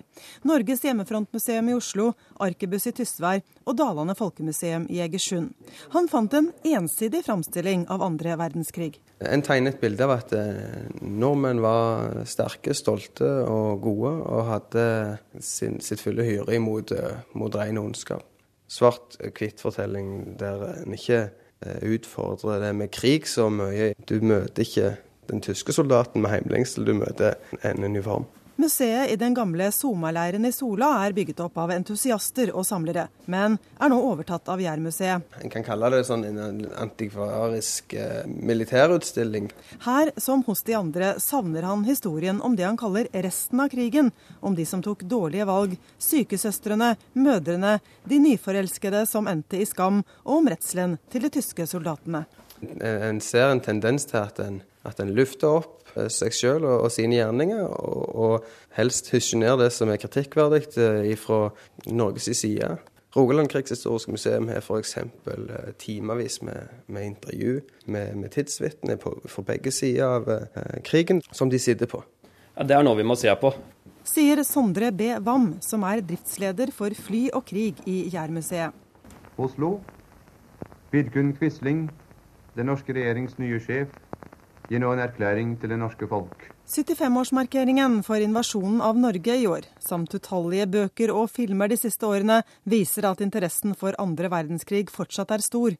Ja, det er klart viktig å fortelle historien, men hvordan man skal fortelle historien, det er noe av det vi skal se nærmere på nå utover høsten, før vi virkelig setter i gang med prosjektering av utstillingene. For nå skal Krigshistorisk museum slå sammen med Flyhistorisk museum i Sola.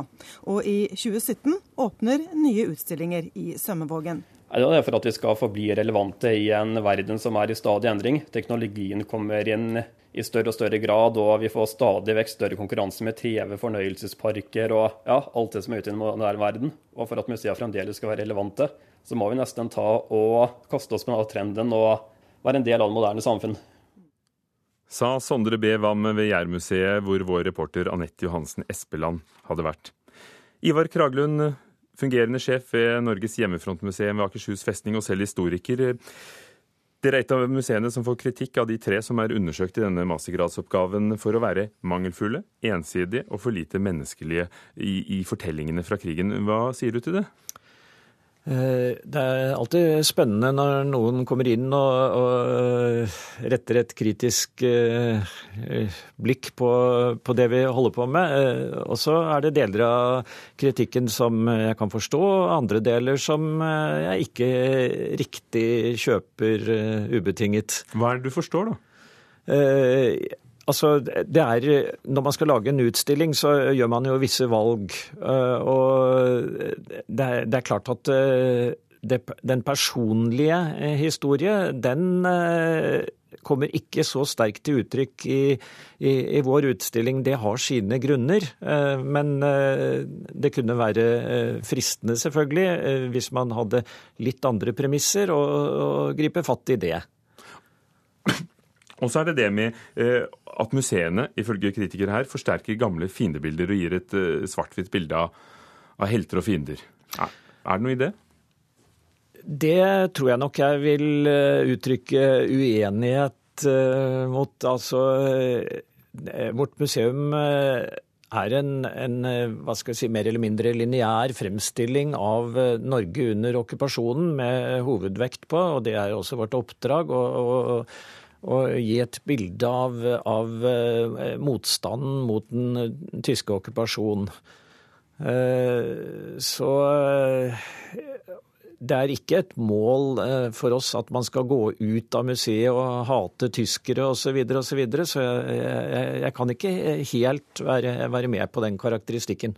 Men hvis det er sånn at, at vår måte å, å, se krigen på, at, at også historieskrivningen forandrer seg med tidene, eh, gjør at vi får frem nye aspekter ved hvem som var motstandsfolk, om samarbeid, om skillelinjer under krigen, eh, forandrer seg. Gjør det at også dere forandrer utstillingen? Har dere, har dere endret på den de siste 40 årene? Altså Våre muligheter til å, å, gjøre dyptgripende forandringer i utstillingen, de, de er forholdsvis små. Det, det, har med selve konseptet å gjøre. Vi holder til i en, i en eh, bygning fra 1750, og utstillingen som sådan er en eh, helhetlig Eh, arkitektonisk utformet eh, helhet. Men, men, det er jo mye informasjon som gis i en utstilling, og, eh, og, selvfølgelig, da blir det kanskje nettopp mye menn i nikkers og, og hemmelige skrivemaskiner? Eh, ja, nå var nå eh, dette med nikkersen og, og også skrivemaskinen det, det, var jo deler av norsk eh, krigshistorie. Eh, og jeg er vel ikke umiddelbart enig i at det dominerer hos oss. Eh, det syns jeg er litt vanskelig å, kjøpe. Eh, men i fjor besøkte altså 45 000 Hjemmefrontmuseet. Tidligere har det vært oppe i 100 000 i året. Hva gjør dere for å nå flere? For det er jo tydelig at det er færre enn før? Eh, ja, det, det, er riktig. Og det er på en måte naturlig, ettersom disse fem årene kanskje glir lenger bak i det kollektive minnet. Men eh, heldigvis så har vi jo noen sånne femårsintervaller da, som, som bringer tallene oppover igjen. Og vi opplever jo i år f.eks. så langt en 30% økning i besøket. Så eh, vi ser ikke så svart på det. Takk skal du ha, Ivar Kraglund, som fungerer som sjef på Hjemmefrontmuseet på Akershus festning. Klokken er 19 minutter over åtte. Du hører på Nyhetsmorgen i NRK. Hovedsaker. 1500 flyktninger eh, forsøkte å komme seg inn i tunnelen under den engelske kanalen i natt. Én skal ha omkommet. Forsvarets forskningsinstitutt unnlater å forske på fremmedkrigere som reiser til Syria. De mener Datatilsynet stiller for strenge krav. Og mange barn i Norge venter på å komme til et fosterhjem. Mange må vente veldig lenge.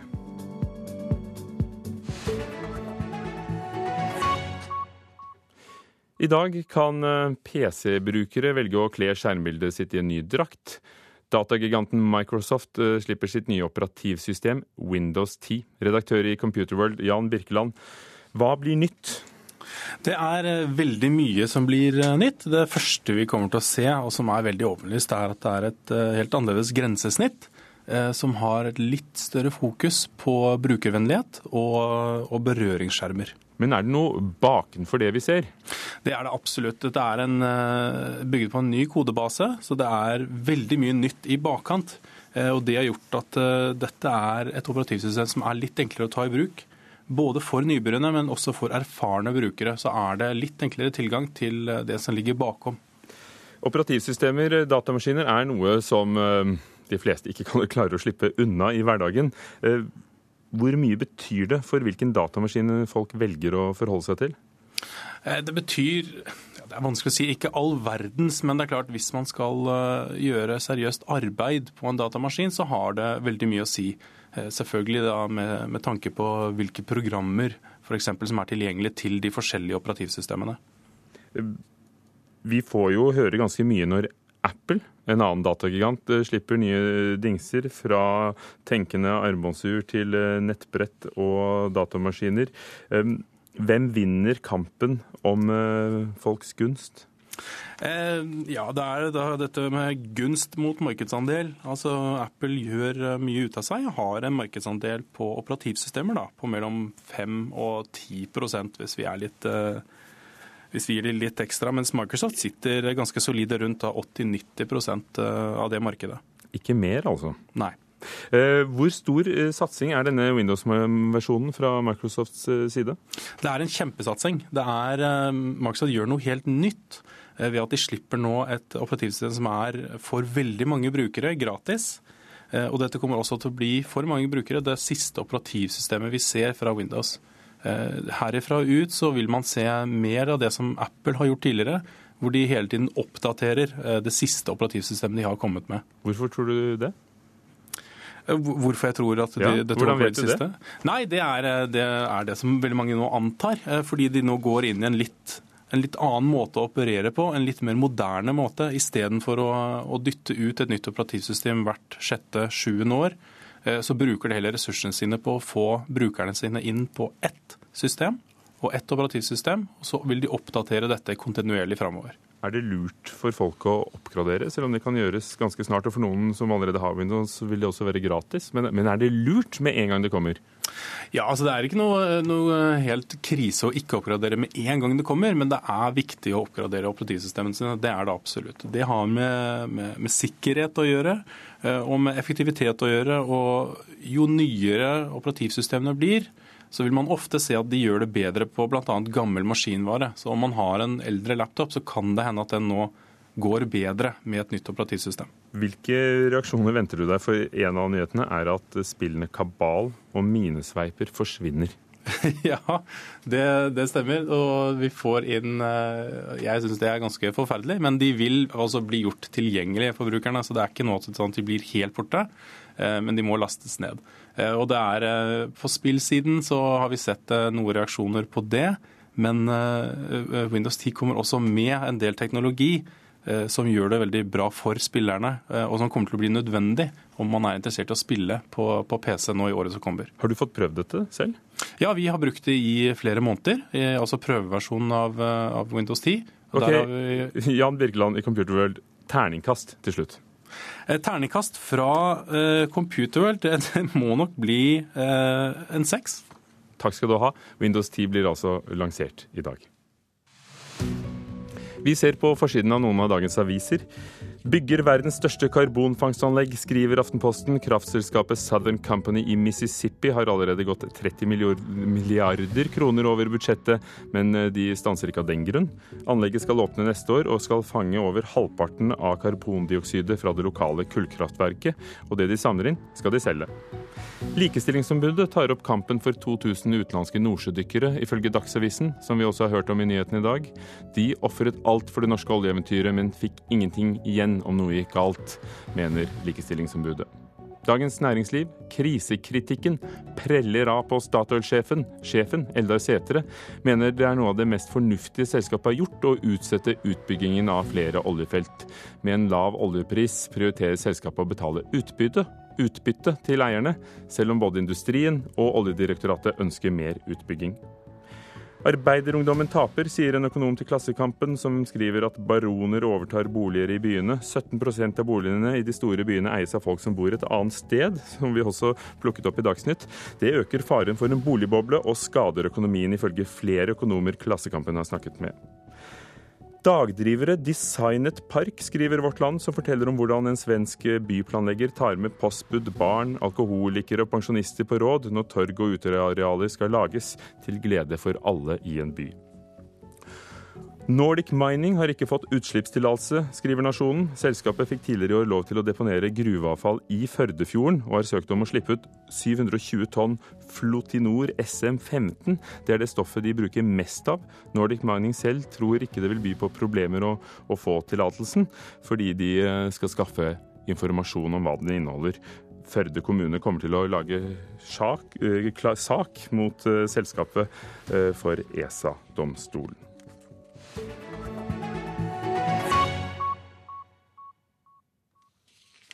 Dumping og søppel. Søppel kan nemlig gjøre stor skade også på kyr. Blant annet kan øl- og brusbokser som uh, slenges på jorder, havne i høyet, og i verste fall i dyrenes uh, mage, og de kan lide en smertefull død. Melkebonde Harald Lie fra Re i Vestfold finner altfor ofte søppel på jordet sitt. Denne uken la han ut en irritert melding på sosiale medier om en knust brusboks som hadde havnet i det som uh, skulle bli til fôr. Ja, denne var rød, så den var lett å se. Men eh, så har vi noen grønne ølbokser osv. som ikke er lett å se. Eh, og folk eh, hiver tydeligvis litt ut av bilvinduet. Og det får noen følger som jeg tror kanskje en del ikke rett og slett bare har tenkt på. Men, men tenk litt over det. Denne uka la melkebonde Harald Lie ut et bilde på Facebook som har blitt delt over 200 ganger. Et enkelt bilde av en knust colaboks som har vært med på litt av en reise. Heldigvis fant jeg denne før vi skal fòre den til vinteren. Så jeg så den godt i gresset. Så jeg hoppa ut og pella den opp. Men eh, da var den jo allerede gått imellom slåmaskin, og den er gått imellom ei rake. Og den er gått imellom ei lessevogn som peller opp gresset, og tippa lasset inn i siloen, og der lå den. Å miste en ku på denne måten har en kollega av Li opplevd tidligere. Og det er heller ikke uvanlig at bøndene finner mye søppel på jordene sine. Jeg har en yrkeskollega blant annet som har uh, fått en sånn boksbit inn i kua, og den døde jo av indre blødninger. Har du funnet mye rart eh, langs ute på jordene der? Nei, det er ikke så veldig mye her. Jeg tror eh, akkurat her hvor jeg bor. Men det er klart en del andre mer trafikkerte veier, så, så er det nok en del mer. En kollega litt lenger nord her, han samla en hel søppelsekk bare på, langs jordkanten sin. full av søppel. Så, så, folk hiver ut av vinduet. Det er vanlig at kuer er ukritiske til maten de spiser, forteller veterinær Kasper Horn. Bare den siste måneden har han rykket ut til tre tilfeller hvor kuer har spist noe de ikke skal ha. I verste fall så er den jo plutselig død, men det er jo, den får en tilstand som kalles kvast. Skarpe gjenstand setter seg fast i nettmagen på, på dyret og skaper en for det første en smerte og irritasjon, men det lager en bukhinnebetennelse. I verste fall så kan det bli hjertesekkbetennelse og plutselig død. Har du opplevd det når du har vært ute på jobb noen gang, at det har skjedd? Ja da, jeg har hatt tre sånne bare siste måneden. To gikk det bra med, den siste ble avlivet. for den eh, den kom seg ikke. Denne gangen priser melkebonden seg lykkelig over at den røde colaboksen var lett å få øye på. Det er litt frustrerende. Eh, for, for oss så får det store følger. Eh, dyra lider og, dør. Eh, og så vil vi også få et økonomisk tap vi, hvis vi mister dyr. Hva har du å si da til de som kaster ut disse boksene fra bilvinduene? Ta dem hjem. Kast i søpla. Det er der det hører hjemme. Og ikke inn i fôret til dyra. Svarer da. Ja, kom da. Hæ? Ja. Hmm. Reporter var eh, Linn Løkken. Mange låner ut eh, leiligheter og hytter og hus gratis til eh, ferie. En av dem som mener det er en god idé, venstrepolitiker Abid Raja, kommer til Nyhetsmorgen etter Dagsnytt nå når klokken nærmer seg halv ni.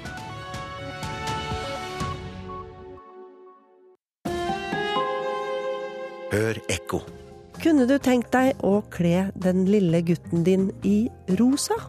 Ikke det? Hvorfor er egentlig rosa mindre verdt enn blå? Og hva gjør det med oss at vi helt fra livets begynnelse lærer at det er sånn? En time ekko i hele sommer mellom klokka ni og ti i NRK P2.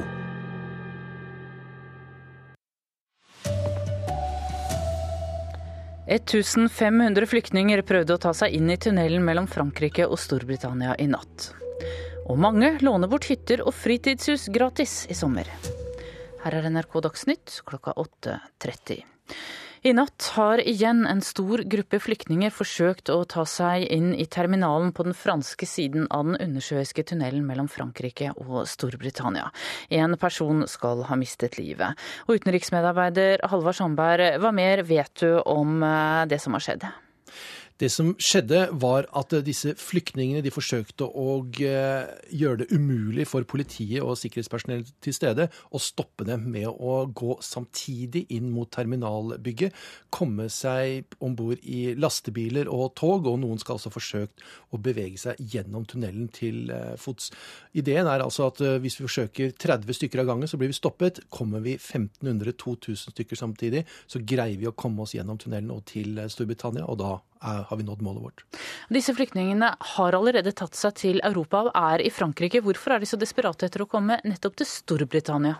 Det skal være flere forklaringer. Én er at mange av disse flyktningene har engelsk som andrespråk. Derfor er det enklere for dem i England. Det andre er at uh, i England skal det være mye slappere kontroll av ulovlige arbeidere, og også et bedre velferdssystem og også et uh, mer åpent asylinstitutt. Takk skal du ha, utenriksmedarbeider Halvard Sandberg. I sommer har mange lånt bort hytter og feriehus gratis til barnefamilier med dårlig råd, men etterspørselen er langt større enn tilbudet. Kristin Oldmeyer i FNs barnefond Unicef drifter det som kalles Feriesentralen. Hennes erfaring er at det er helt trygt å låne bort hytta. Så langt så er det ingen dårlige erfaringer. Jeg har personlig kontaktet alle som har lagt ut annonse med hus og hytte og båt og hva det måtte være, og ingen har så langt rapportert om at noe har blitt misligholdt, eh, eller at noe har blitt ødelagt eh, på andre måter. Så det virker som om dette her fungerer veldig bra, og at folk også er veldig ydmyke og veldig, veldig takknemlige for å få muligheten. Så jeg tror de behandler det antageligvis bedre enn sitt eget hjem, altså. Arbeids- og sosialdepartementet bryter diskrimineringsloven ved å ikke gi kompensasjon til utenlandske nordsjødykkere. Det mener likestillingsombud Sunniva Ørstavik, som har klaget arbeidsministeren inn for Likestillingsnemnda. Det skriver Dagsavisen. Bakgrunnen er at kun dykkere som hadde medlemskap i Norsk folketrygd, kan søke om kompensasjon fra staten. Siden Stortinget vedtok kompensasjonsordningen, har 21 utenlandske dykkere fått avslag på sine søknader, hovedsakelig fordi de ikke var medlem av folketrygden. Det var NRK Dagsnytt, i studio Tone Nordahl.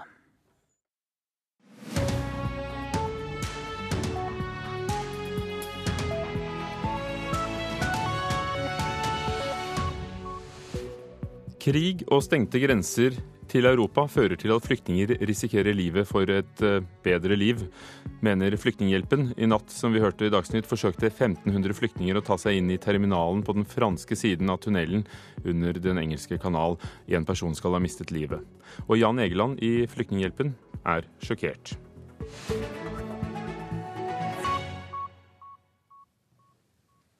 Ja, vi skal høre Jan Egeland i Flyktninghjelpens reaksjon på det at uh, mange personer i natt forsøkte å ta seg inn i den undersjøiske tunnelen mellom Frankrike og England. Det er klart det er grunn til å være bekymret eh, og fortvilet og frustrert over at uh, når så mange er villige til å risikere livet for å få det bedre. Det er kun ved å skape håp, framtid, muligheter for menneskene der de er, at vi kan komme ut av dette. Og Det skjer gjennom tre ting. De må få fred og menneskerettigheter der de er. Vi må få en slutt på Syriakrigen, som er den som sender flest mennesker. Og det dreie er at folk må også kunne søke om asyl på en trygg og verdig måte til Europa utenfor Europa. Det kan de ikke i dag. Denne eh, gjennom Eurotunnelen, hvorfor velger flyktninger tror du, å risikere livet for å ta seg til Storbritannia? Storbritannia blir eh, i likhet med Sverige og Tyskland, som, er, som, det er lettere å ta seg til, så blir det sett på som land hvor det vil kunne være godt å være. Vi skal huske at uh, dette er stort sett mennesker som kommer fra krig og undertrykkelse, som i Syria, Afghanistan, Irak, Somalia, uh, nå etter hvert også Jemen, eller fra bunnløs fattigdom og fortvilelse. Eh, det betyr jo igjen at de har intet håp om et bedre liv der de er.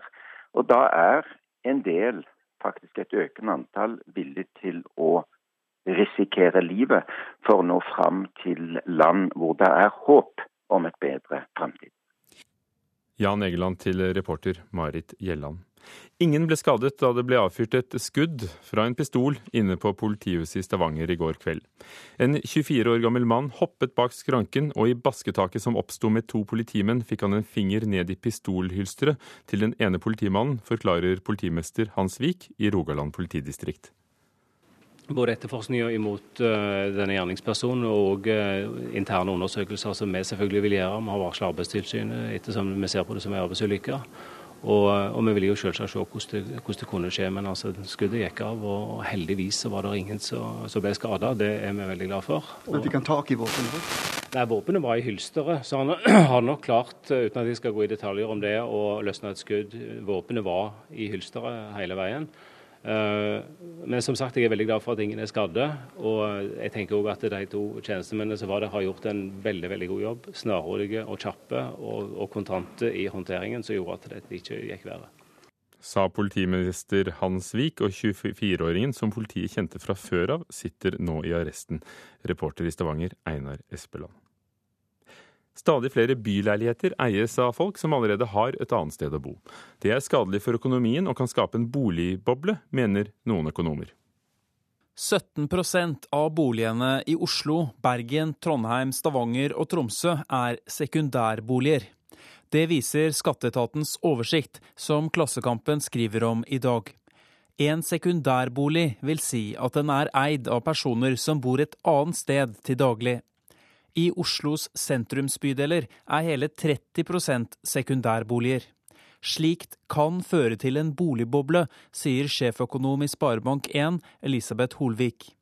Siden mange eier flere boliger, er det færre som kan komme inn og kjøpe dersom boligveksten snur eller stopper opp, sier hun. I tillegg peker Holvik på at pengene som brukes på boliger, kunne blitt investert på andre måter og skapt arbeidsplasser. Sa reporter Haldor Asvald. I morges har vi hørt at flere enn tidligere har eh, lånt bort hytter og feriehus gratis i sommer. Gjerne til barnefamilier med dårlig råd. Unicef eh, driver nettstedet Feriesentralen, som de har gjort i to år. og Der merker de eh, både større etterspørsel, men også større tilbud. Abid Raja, politiker fra Venstre, du er med oss fra din sykkelferie. God morgen. Ja, hei du. Nå er jeg ferdig med sykkelferien. Nå driver jeg med bilferie nedover landet. Akkurat. Hva synes du om at mange låner bort uh, hytter og hus uh, til uh, dem som kanskje ellers ikke ville kunne tatt seg en tur? Du, Det er helt fantastisk at nordmenn som har en hytte til overs og til utleie, Eh, eller låner bort til de familiene som har eh, trange kår. Vi vet at det er eh, mange fattige familier i Norge som ikke har råd til å ha ferie som veldig mange andre koser seg med i, i sommeren. Og Dermed kommer også barna tilbake til sommerferien og, og har ingen opplevelser av ferie å dele med andre barn. Og Det at man kan stille til rådighet det man selv har til disposisjon til andre, på den måten mange gjør, det er rett og slett beundringsverdig. Og jeg tror dette kommer til å ha stor smitteeffekt. At flere som har hytter, kommer til å låne dette ut gratis til de familiene som trenger det under sommeren. Hva svarte du selv da du fikk spørsmål på skolen om hva gjorde du i ferien? Ja, Det er litt rart å tenke tilbake når man leser alle disse avisoppslagene om, eh, om barn i Norge som uh, får ikke ferier. Og Jeg var jo selv en av de som hadde foreldre som hadde veldig dårlig råd. Uh, så vi jeg var jo bare på to sommerferier gjennom hele oppveksten. Eh, så når dette ble store temaer innimellom, så blir det store temaer i klasserommet, og læreren tar opp dette i full prakt. Hvor man skal fortelle hvor mange fjerne strøk man har vært. Så eh, jeg diktet opp mine sommerferier. Jeg hadde vært i Pakistan en gang jeg var barn, eh, og da gjenfortalte jeg rett og slett at jeg hadde vært i Pakistan igjen, og noen av de samme historiene. Så slapp man å komme inn i, inn i en situasjon hvor man lett kunne bli mobbet, eller Eh, fremstå som den som ikke hadde gjort noen ting eh, eh, på ferie. Og Jeg tror det er veldig mange andre barn som gjør det samme, men uansett kanskje føler på hvor vondt det er når man i fellesskap tar opp og går igjennom ferie for ferie, hvor alle eksotiske stedene mange har vært. Og så kan det sitte noen barn som rett og slett kommer fra familier som har hatt veldig dårlig råd og ikke har vært på noe ferie. Og der, hvis man gjennom feriesentralen og andre måter klarer å leie ut, låne bort sine hytter, som står rundt omkring i landet, praktfulle hytter, veldig mange nordmenn har hytter, vi har god hyttekultur, så jeg tror veldig mange flere, uh, håper jeg, vil la seg inspirere av de som har lånt ut sine hytter til uh, fattige barnefamilier, uh, slik at barn får seg en god ferieopplevelse. Og det er jo fordi du hadde denne erfaringen selv, Abid Raja, at vi spurte deg om å, å, å være være med eh, her i dag. Hvordan var den følelsen av å måtte eh, dikte? Du, Det er jo vondt, eh, og det er ikke noe moro å være fattig barn. Vi har dessverre eh, fattige barn selv i Velstands-Norge. Vi, vi, er jo et veldig rikt land, men vi tror at det ikke finnes fattige barn i Norge. Men det gjør det. Og når barn eh, sier at de har vært i Thailand, og de har vært på eksotisk Amazonas, eller de har vært på sant, vanlige feriereiser som går til eh, Hellas, da, mens andre barn da har eh, vært hjemme eh, som alle andre dager på året og gjort akkurat det samme som de gjør alle de andre dagene, så kan det være veldig vondt og veldig vanskelig å, å stå sammen med klassekameratene igjen etter sommeren og ikke ha noen opplevelser å, å dele med de andre. Takk skal du ha, Raja. Vet du hva? Barndom kommer jo ikke tilbake. Jeg må, jeg må, stanse deg der, men takk for at uh, du var med og fortalte om hvordan du diktet om dine ferier.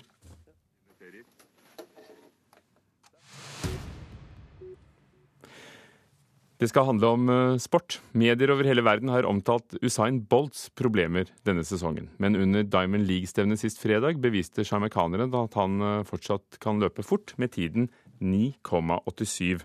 Og NRKs friidrettsekspert Vebjørn Rodal tror at eh, Bolt kan komme i god form til verdensmesterskapet i august. Jeg tror Bolt overraskende for min del er i rute. 9,87 i de forholdene som var i London på fredag kveld, syns jeg var overbevisende. Så er det jo sånn at Usain Bolt er den i verden som vet aller mest om å, å springe fort på, på sprint. Så han vet utmerket godt hva det handler om for å klar å være i, i, god sprintform. Det sier NRKs friidrettsekspert Vebjørn Rodal. Men han tror Bolt vil få stor konkurranse fra Justin Gatlin. Jeg tror den stabiliteten, den råskapen eh, på både 100 og 200 som, eh, som Justin Gatlin har vist både altså gjennom hele fjorårssesongen og årets sesong så langt, det, det, er, det er, en stabilitet og en sprint på, på særdeles høyt nivå. så det blir ikke noe walk in the park for Bolt. Og hva må Bolt løpe på for å være sikker på gull?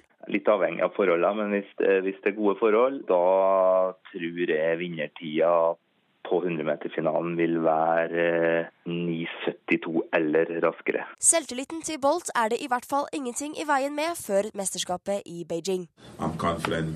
Jeg er selvsikker. Alt har gått bedre på trening. Og når jeg kommer til mesterskap, vil jeg alltid være klar, så jeg ser fram til Beijing. Det blir nok et bra løp. Reporter Ida Moseng om Usain Bolt. En turist fra USA som drepte en kjent løve i Zimbabwe tidligere i denne måneden, er nå blitt identifisert. Det viser seg at han også tidligere har vært tatt for ulovlig jakt. Det er mange turister som har filmet Cæsar. Den 13 år gamle hannløven var en av hovedattraksjonene i Havange nasjonalpark. Ifølge myndighetene i Zimbabwe ble han lokket ut av den beskyttende parken og over på privat grunn. Der sto den amerikanske tannlegen James Walter Palmer, som skal ha betalt 50 000 dollar til grunneier og en guide. Vi mistet et ikon, forteller Emanuel Fundira, som leder interesseorganisasjonen for safarioperatører i landet. Cecil sto våre hjerter nær, sier han. Løven hadde et halsbånd. Det betyr at den var under overvåking. Det er ikke forbudt å drepe løver i Zimbabwe, men grunneier hadde ikke fellingstillatelse, så han og guiden står nå foran et rettslig oppgjør. Hva som videre vil skje med tannlegen er ikke klart. Han oppholder seg på ukjent sted og kommuniserer bare gjennom et innleid PR-byrå. Han sier at han er lei seg for det som skjedde, han trodde alt var lovlig, og at han ikke ville ha drept akkurat denne løven dersom han hadde visst at den hadde et halsbånd.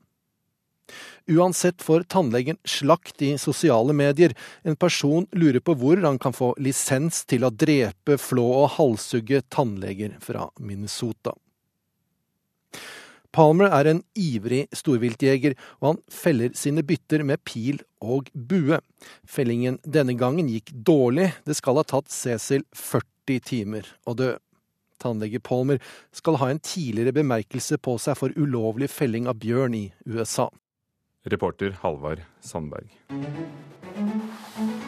Kvart på åtte, kvart på ni er klokken blitt. Du hører på Nyhetsmorgen hovedsaker. 1500 flyktninger stormer terminalen foran tunnelen mellom Frankrike og England i natt. Forsvaret dropper forskning på nordmenn som reiser til Syria for å krige pga. Datatilsynets strenge krav. Og snart skal vi få litteraturanbefalinger for sommeren her i Nyhetsmorgen.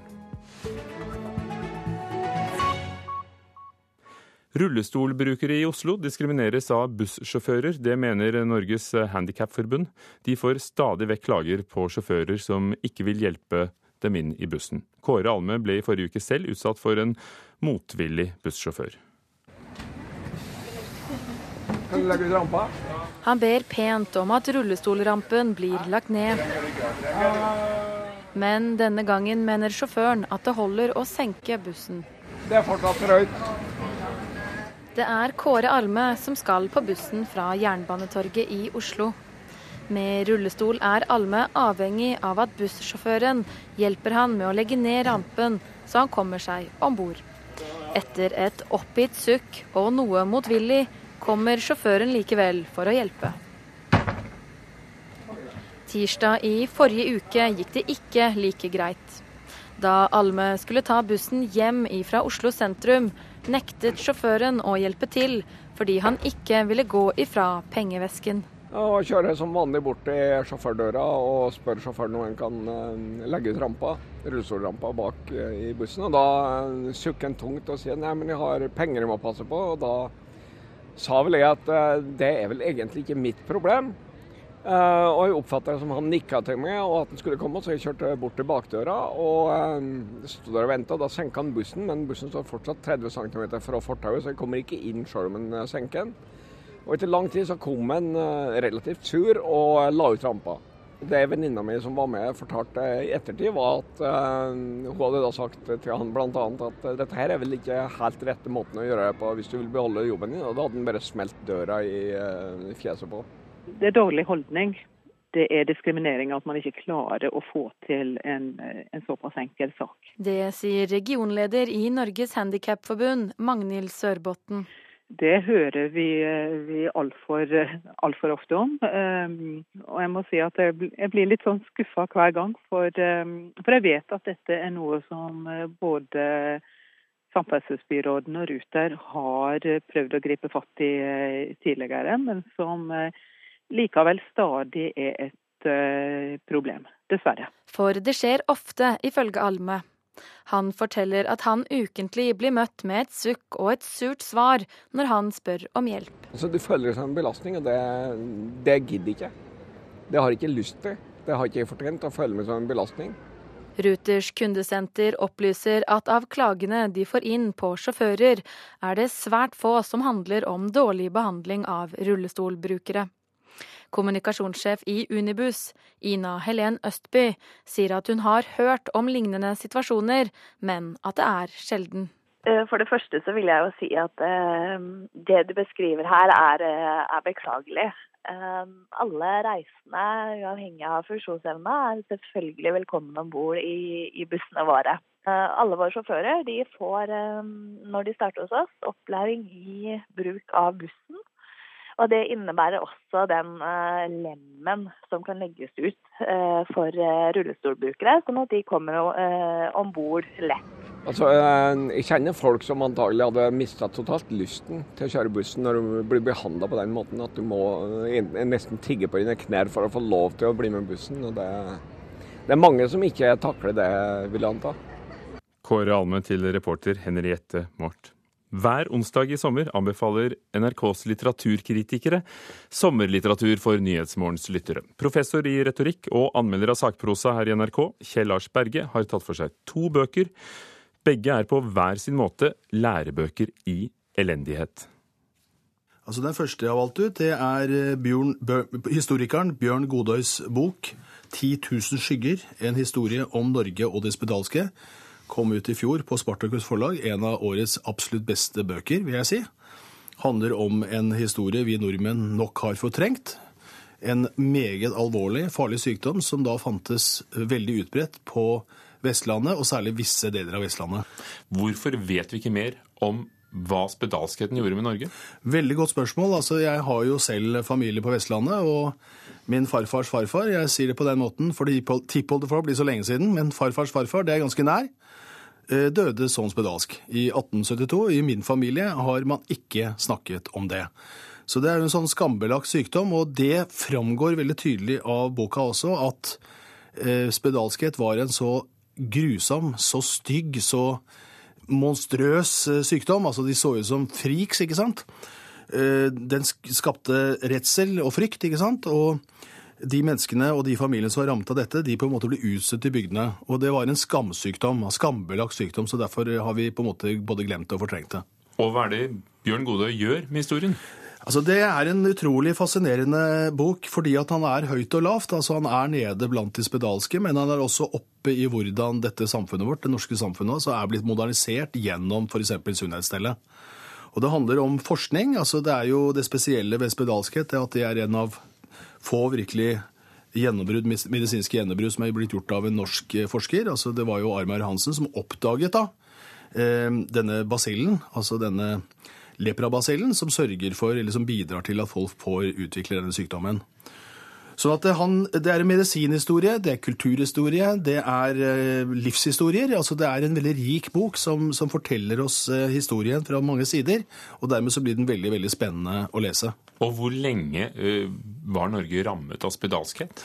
Mennesker i Norge? Faktisk langt inn i mellomkrigstida. Jeg tror faktisk den siste som var omtalt i denne boka som hadde diagnosen spedalsk, døde så sent som i 2002. Så vi snakker om veldig, veldig nær fortid her, altså. For når du sier mellomkrigstiden, er vi inne i den tiden hvor du har hentet den andre boken du har med, nemlig Klaus Manns selvbiografi 'Vendepunktet'. Hvem er han? Klaus Mann er en eh, person som tilhørte den ypperste intellektuelle eliten i tysk og europeisk kultur eh, fra slutten av 1800-tallet og langt inn på 40-tallet. Han var sønn av den meget berømte framstående forfatteren, nobelprisvinneren Thomas Mann. Og han var nevø av den nesten vel så kjente Heinrich Mann. Så dette er en familie som eh, representerer liksom det ypperste, ypperste av kulturelite i Europa. Hva skriver han om? Han skriver om eh, sin eh, historie, sin oppvekst, sin families ulike eskapader. Det er en ytterst interessant familie. Alle er begava, alle er engasjerte. De driver med teater, de skriver bøker, de skriver tekster. De er på en måte en utrolig vital familie på alle mulige måter. Men så skriver han også om katastrofen, altså nasjonalsosialismen og gjennombruddet for den i det tyske samfunnet, som han forsøker å forstå og forklare, men som han ikke skjønner tøddelen av. Hvordan er det mulig at denne skikkelgryber, Hitler, kan slå gjennom? Altså, Det er en fascinerende skildring, for den forteller veldig tydelig, tror jeg, at nasjonalsosialismen var så ekstrem at det var nesten umulig for eh, Klaus Mann og hans dansesvenner å forstå stupiditeten og galskapen og det enorme raseriet som den bevegelsen representerer. Så det er altså en historie om en høykultur, men det er også en historie om en høykultur som rakner og går i stykker under presset fra denne nazistiske ideologien og det faenskapet som de stelte i stand med i den korte tida de styrte. Da. Hvorfor mener du at dette er en bok for oss nå? For det første så syns jeg det er eh, utrolig fascinerende, og det syns jeg i det hele tatt med den europeiske mellomkrigsperioden, og særlig den tyske kulturkretsen. Altså vi regner med det Østerrike og Wien der også. Det er noe utrolig fascinerende med den perioden, akkurat som det er noe veldig fascinerende med det antenske demokratiet eller den italienske eller toskanske renessansen. Det er noe fantastisk med perioder som eksploderer liksom intellektuelt, politisk, eh, vitenskapelig. liksom I løpet av veldig kort tid skaper mye, og det gjorde man i denne, dette landet, i Tyskland og delvis også i Østerrike i mellomkrigstida. Men samtidig så forteller den også om hvor kort vei det er til barbari. da, ikke sant? Hvor, hvor, hvor, viktig det er å være klar over de verdiene som man skaper. At de må, måte, de må dyrkes og utvikles for at ikke demokratiet skal rakne. da. Og Jeg syns nok det er ganske interessant å lese en sånn bok i vår tid, hvor vi ser at vi får uh, utfordringer ikke sant? med demokratiske uh, nedbygginger i Russland. Vi ser krisen i Hellas med framvekst av ekstreme høyrepartier. ikke sant? Altså Det er grunn til å være klar over at de gode samfunnet som vi har bygd opp over tid, kan også få problemer. Og I så måte så forteller Klaus Mann sin bok altså at det er nødt til viktig å være på vakt. altså. Kjell Lars Berge, professor i retorikk, som anbefalte Klaus Manns selvbiografi 'Vendepunktet', og Bjørn Godøys bok '10 000 skygger' om Norge og de spedalske. Vi skal snakke om været. La oss f.eks. ta uh, værmeldingene. Hver dag, flere ganger om dagen, står denne mannen og sier noe sånt og sånn. I dag er det falt 3 mm nedbør i Oslo siste døgn. Siste 30 døgn er det falt 71 mm. Mot normalt 6, 62. Har det falt 71 mm nedbør, så har det vel falt 71 mm nedbør. Og ikke, ikke mot normalt annet enn det som er annet. Rafael Escobar Løvdahl, statsmeteorolog. Det er du som er denne mannen Leif Juster snakket om i 1963. Eh, jeg var ikke født da, men jeg har en tendens si mot normalt, jeg òg. Og, jeg har hørt det flere ganger, at eh, det er litt sånn morsomt, ja. Det regner, og det regner i sør. Er det mer eller mindre normalt? Det er nok mer enn hva som er normalt. Det er ute et oppsvarsel da, for eh, Sørlandet, Telemark og de sørlige delene av Østlandet. Og det er da på lokalt kraftige byger med, med sånne regnskyll som blir mye på kort tid. Altså, og kanskje noen torden i tillegg. Hvordan går det? Det går egentlig litt sånn som planlagt. Nå tordner det i Agder og i Skagerrak. Og vi kan jo ta en liten observasjon. Eh, kanskje ikke se hva det er mot normalt her, men eh, i Råde i Østfold har det nå siden midnatt kommet 37,8 millimeter.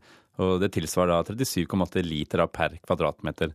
Og på én time så kom det hele 12,8 millimeter. Så ganske bra med nedbør i Østfold, og mye av det har også kommet lenger sørover. Og når du da sier 37,8 mm, så er det jo lett å tenke på, på, på sketsjen til Leif Juster.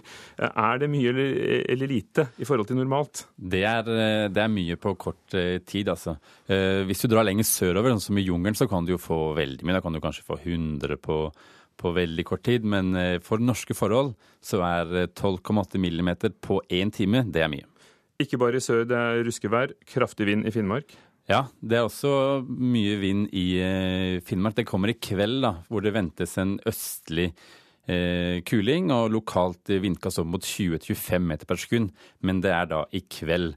Så vi kan ta en titt på dagens vær. Eh, som sagt, i Finnmark østlig stiv kuling. Det er da fra i ettermiddag, og det kommer inn eh, regn.